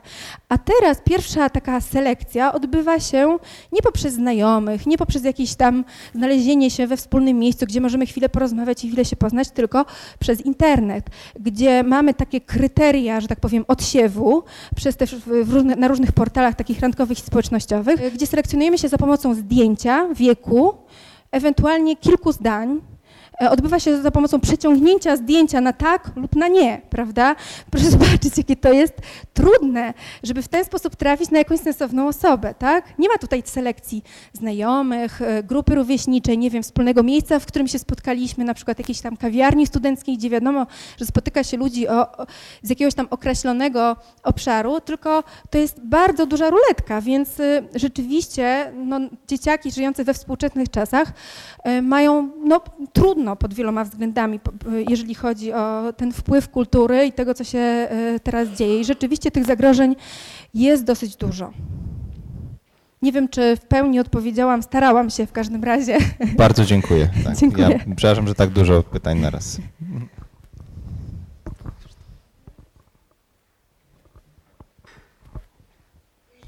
Dzień dobry. Zgodzę się z Panią e, odnośnie tych rozmów, jak najbardziej e, odnośnie e, nieumoralniania dzieci w 100%, ale mam takie pytanie. Nic Pani nie wspomniała odnośnie konsekwencji. Owszem, możemy usiąść z takim 14, 15, 16-latkiem i ustalić plan działania. Sama tak robię swoim, ze swoim synem. Sam sobie wybiera godziny, ile czasu spędzi przed komputerem, ile nie, ile w tygodniu. E, A co robić, kiedy on się tego nie trzyma? Sam wybrał, a mimo wszystko i tak dalej idzie, yy, dalej jakby próbuje przeciągnąć na swoją stronę. Co wtedy? Co my, rodzice, możemy? No bo dialog jest dialogiem, to jest jedna sprawa, tak? A co nam Pani zaproponuje, jeżeli mimo wszystko no, yy, wychodzimy jakby yy, na współpracę z dzieckiem, proponujemy burzę mózgów, różne inne rozwiązania, dziecko siada świetnie, świetnie pogadamy sobie wszyscy, a w konsekwencji i tak yy, posprzątasz pokój, na przykład, tak? No okej, posprzątaj go dziś, jutro, jutro, a jutro nie posprzątał. No okej, dzisiaj nie posprzątałeś, no to kiedy? Dzisiaj czy jutro? Jutro. No i tak, i tak możemy się ciągnąć. Tak, tak. Nie, Dziękuję bardzo. Rzeczywiście, nie, tak jak mówię, no nie na wszystko było tutaj miejsce. Więcej e, informacji, rzeczywiście, jak Państwa to interesuje, to naprawdę zachęcam do tej lektury. Więc na, na, odpowiedź na Pani pytanie jest taka, jak najbardziej konsekwencje są potrzebne, tak? Oczywiście. W pierwszej kolejności, tak jak mówię, wzmacnianie to jest metoda, która e, bardzo dobrze działa, ale nie zawsze można wzmocnić. No, za taką sytuację raczej nie można pochwalić i wzmocnić, więc tutaj przydaje się konsekwencja. No i co z tymi konsekwencjami? Dobrze, żeby, żeby były to konsekwencje naturalne, tak? czyli żeby one miały związek e, z tym, co dziecko zrobiło albo czego dziecko nie zrobiło. Mogę teraz ja? Tak. E, Dzień dobry, jestem mamą e, 16-letniego leworęcznego Stanisława, podkreślam to, bo pierwsze pytanie dotyczy tego e, rozwoju biologicznego mózgu. Czy to jest uzależnione od płci i od tego, czy dziecko jest leworęczne czy praworęczne? To jest moje pierwsze pytanie. A drugie pytanie jest takie, e, jak to zrobić, żeby dziecko chciało się pozytywnie wyróżniać, jeżeli chodzi o naukę, bo się zdecydowanie nie chce wyróżniać negatywnie, zarówno w kwestii nauki, jak i zachowania. E, Natomiast zawsze się pozycjonuje w tak pośrodku, nie chce się pozytywnie wyróżniać i nawet specjalnie się mniej uczy, mimo że intelektualnie e, mógłby dużo bardziej. To może od tego drugiego zacznę. Yy, Proszę Państwa, to, to, co jest taką właściwością też yy, w tym okresie adolescencji, taką powtarzającą się, powtarzającym się mechanizmem, to to, że nasze dzieci nie chcą się wyróżniać. Że yy, to wyróżnianie się jest czymś niefajnym bardzo często. Tak, oni chcą się dopasować, oni, chcą, nie, oni nie chcą odbiegać od grupy rówieśniczej, oni chcą się do niej dopasować. Często te nastolatki nawet wyglądają bardzo podobnie, tak? Z, z wyglądu ubierają się tak samo, noszą to samo, malują się tak samo, mają taki sam kolor włosów, tak? Yy, ponieważ to wyróżnianie się nie jest w tym okresie e, atrakcyjne, tak? To wyróżnianie się może spotkać się z jakimś odrzuceniem, odtrąceniem. Jeżeli nastolatek zaczyna się wyróżniać za bardzo, to jest też jakiś znak. To jest znak, jeżeli sam to robi z siebie, tak? Że, jak, że to jest sposób jakiegoś zwrócenia na siebie uwagi, tak? Że jemu czegoś brakuje, że on próbuje jakoś w ten sposób przyciągnąć uwagę, często w negatywny sposób, prawda? Czyli albo bardzo źle się zachowuje, albo na przykład bardzo dziwnie zaczyna wyglądać, tak? To znaczy, że coś się tam dzieje w jego emocjach. Natomiast jeżeli chodzi o te e, neurobiologiczny rozwój, to to jest uniwersalne, tak? To, to nie jest to tak, nie że. E, Jeżeli chodzi o chłopców i dziewczynki, to mm, jest taka różnica, że u dziewczynek e, ogólnie rzecz biorąc badania tak e, wykazują, bardziej aktywna i lepiej działająca jest prawa półkula, czyli taka półkula emocjonalna, a u chłopców lewa półkula odpowiedzialna za analityczne myślenie, odpowiedzialna za możliwość odnalezienia się w gąszczu ulic, znalezienia jakiegoś punktu na mapie, tak, że to jest taka e, tutaj e, różnica, jeżeli chłopców i dziewczynki chodzi. Ale to jeszcze może nawiążę do tego wyróżniania, bo e, jakieś dwa czy trzy tygodnie temu mniej więcej mój syn idąc ulicą zobaczył, że starszy, no, starszy znacznie od młodej dziewczyny mężczyzna szarpie dziewczynę i ciągnie ją do samochodu i zainterweniował. Poszedł, zapytał, czy jest jakiś problem i zadzwonił po policję, czekając na tę policję. I, w taki, i- i uznał, że to było bardzo dobre jego działanie, bardzo pozytywne i pochwalił się e, mi i mężowi i w taki sposób chciał się wyróżnić, ale nie chce się wyróżnić tym, że ma e, lepsze oceny, tak? Tylko zawsze ma takie trójki, czwórki. Nie chce się lepiej uczyć. On się nawet mniej uczy, zajrzy na pół godziny i już ma wszystko zrobione ze wszystkich przedmiotów. I jak go zmobilizować, znaczy ja nie bardzo potrafię go zmobilizować, żeby mu i po, pokazać mu, że to, że on się, e, że on może mieć lepsze oceny, to nie jest złe. Że to także jest pozytywne działanie, jak w przypadku tej pani, której pomógł. A może warto z nim byłoby porozmawiać na ten temat? E, Co on o tym sądzi, tak? Być może z jego punktu widzenia e, z jakiegoś powodu jest to złe. Być może w jego klasie e, padają jakieś komunikaty negatywne na temat kogoś, kto dostanie dobrą ocenę albo kto pod kątem ocen się jakoś wyróżni. Z różnych powodów to y, może być, tak? Y, myślę sobie, że zanim się wdroży jakąś interwencję, trzeba dokładnie się dowiedzieć, na czym polega po prostu ten kłopot, na czym polega ten mechanizm, tak? Bo często właśnie z takiego prozaicznego powodu, że to jest obciach być takim wyjątkowym i y, pod, pod kątem nauki, tak? Że to jest jakoś szykanowane w grupie. A czasem jest też tak, proszę Państwa, ja y, mam kilku takich y, y, klientów, którzy mówili o tym, że e, ta wyjątkowość, e, że, rodzice na przykład, albo nie wiem, nauczyciele stworzyli takie e, u nich myślenie, że powinni być wyjątkowi, że nie są na tyle inteligentni, że powinni mierzyć wyżej, że powinni więcej od siebie wymagać, tak? I to czasem rodzi taką wewnętrzną presję, która wzmaga unikanie, tak? Która powoduje, że uruchamia się mechanizm unikania i po prostu człowiek nie chce, tak? Bo to go bardzo stresuje, bo jeszcze nie myśli o sobie najlepiej, ma wątpliwości co do tego, co do swoich kompetencji, swojej inteligencji, a wie, że musi się wykazać, żeby nie zawieść nauczyciela na przykład, tak? Albo żeby nie zawieść, nie wiem, rodziców. I to powoduje y, zawsze taki rozdźwięk pomiędzy ja realnym, a ja idealnym, tak? Tym, jaki jestem, a do czego dążę, powoduje lęk, powoduje niepokój, a co za tym idzie, wzmaga mechanizmy unikania. To trzeba by było zdiagnozować, tak? Myślę sobie, że to y, teraz pewnie do tego nie dojdziemy, bo to trzeba było trochę więcej wiedzieć po prostu o pani synu, żeby dojść do tego. Tam mogą być rzeczywiście różne rzeczy, które to powodują. Ja- Tak, to należy pochwalić, tak? Było to bardzo, bardzo odważne. Było to bardzo odważne. Ja mam pytanie o bunt, o którym pani mówiła gdzieś tam na początku. Skoro jego celem jest jakby to, znaczy to oddzielenie się od rodziców, znaczy czy każdy nastolatek musi przejść bunt w którejkolwiek z tych form, które pani wymieniła? Czy jest możliwa taka sytuacja, że jeśli jakimś cudem rodzic potrafi mu dozować tą przestrzeń do odseparowywania się, że to dziecko jakby dojrzewa bez buntu? E, to znaczy, ja chyba się nie zetknęłam jeszcze z takim przypadkiem, żeby, żeby się odbyło bez buntu, aczkolwiek rzeczywiście e, bunt nie musi być taki buntowniczy, w tym, w tym sensie, że rzeczywiście jeżeli dajemy jakąś swobodę, e, podążamy za tym naszym dzieckiem, rozumiemy je, stwarzamy miejsce do dialogu, to wcale to nie musi e, wyglądać tak ekstremalnie. Czasami jest tak, że to są jakieś rzeczy, takie te, testy, testo, te doświadczania różne, o których my nawet możemy e, nie wiedzieć, a nasze dziecko e, odbywa takie testowanie i to, jest, to się też wpisuje właśnie w ten bunt, aczkolwiek e, nawet o tym za bardzo nie wiemy i tego za bardzo nie widzimy, tak? Także rzeczywiście to bywa po prostu bardzo różnie, w zależności od, od rodziców, w zależności od sytuacji, od, od otoczenia i od samego dziecka, od jego temperamentu również, tak? To, to wszystko ma znaczenie.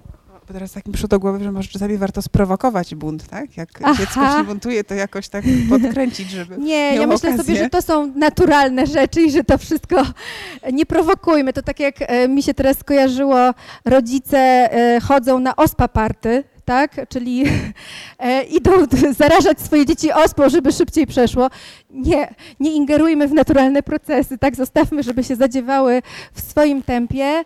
E, czasem rzeczywiście jest tak, że ktoś, kto nie przeszedł buntu e, z jakiegoś tam powodu, po prostu sobie go trochę później doświadcza, cza- tak? Czyli na przykład w bardziej dorosłym wieku zaczyna się buntować, no ale wtedy ma trochę więcej zasobów, żeby sobie z tym poradzić, więc spokojnie, niech tak będzie, tak? E, Zostawmy to.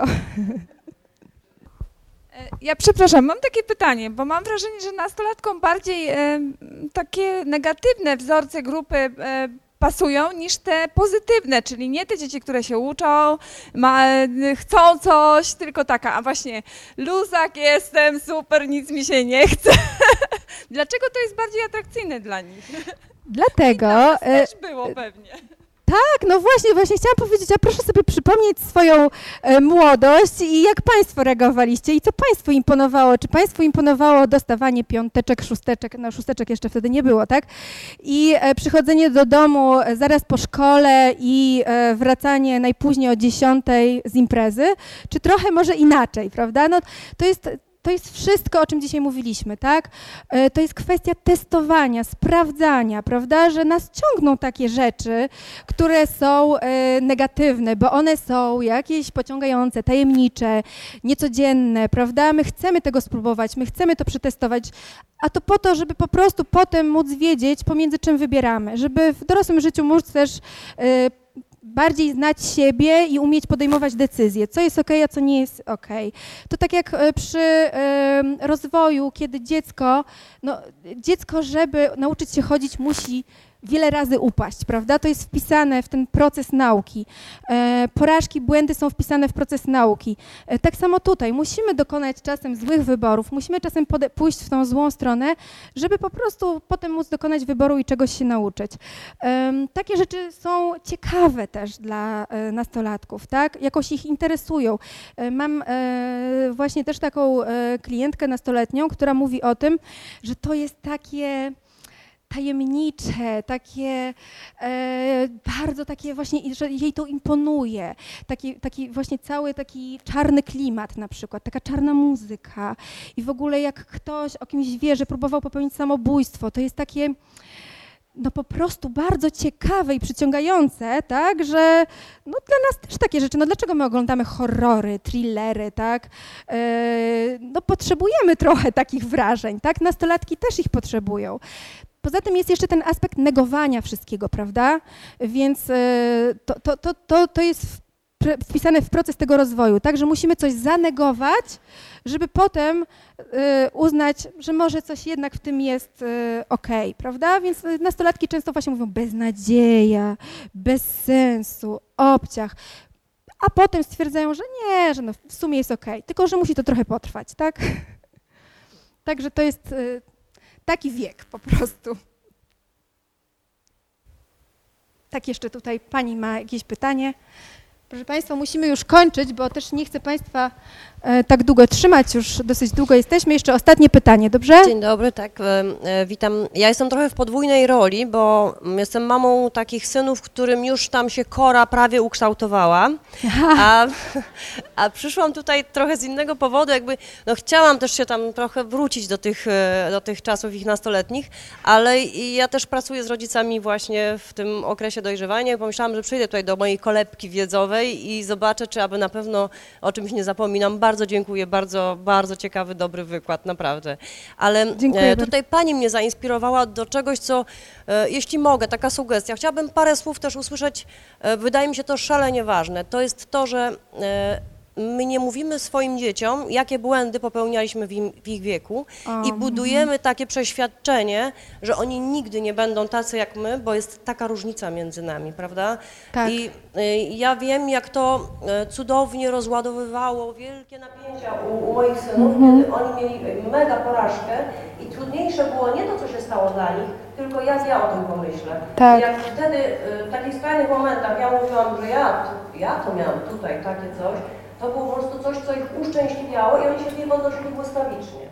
I jakby ja to dostałam teraz, uwaga dla wszystkich Państwa, y, zło- słowa otuchy. Ja jako psycholog, kiedy moi synowie dojrzewali, chodziłam do psychologa, bo to nie jest tak, że wystarczy to wszystko wiedzieć i jest łatwo. Ja to wszystko wiedziałam, ale jak to było u mnie, to ja nie widziałam, co się dzieje i chodziłam po wsparcie do fachowca. Polecam wszystkim, psychologom właśnie też. Bardzo Pani Dziękuję. dziękuję za to. E, Rzeczywiście bardzo ważny element, tak, ale to jest właśnie też ten element dialogu, prawda, że jeżeli my z naszym dzieckiem rozmawiamy, rozmawiajmy z nim o wszystkim, tak, nie kreujmy siebie jako e, tych nieomylnych, tych wszystko wiedzących, bo to przecież jest nieprawda, więc nie sprzedawajmy naszemu dziecku takiej nieprawdy. To, co Pani mówi, rzeczywiście jest bardzo ważne. To bardzo wiele daje naszym dzieciom, kiedy widzą, że my też popełnialiśmy błędy, że oni też nie muszą być tacy doskonali i mogą ponosić porażki i że nawet jeżeli się popełnia błędy i ponosi się porażki, to wychodzi się na ludzi, tak jak moja mama, prawda? Więc e, myślę sobie, że to jest bardzo, bardzo ważne i bardzo Pani za to dziękuję, że Pani o tym powiedziała. Dziękuję Państwu bardzo. Tak, jeszcze, jeszcze Pani jedno, tak, jeszcze Pani tutaj, przepraszam. E, Dobry wieczór. Króciutkie pytanie wracając tutaj do kwestii buntu.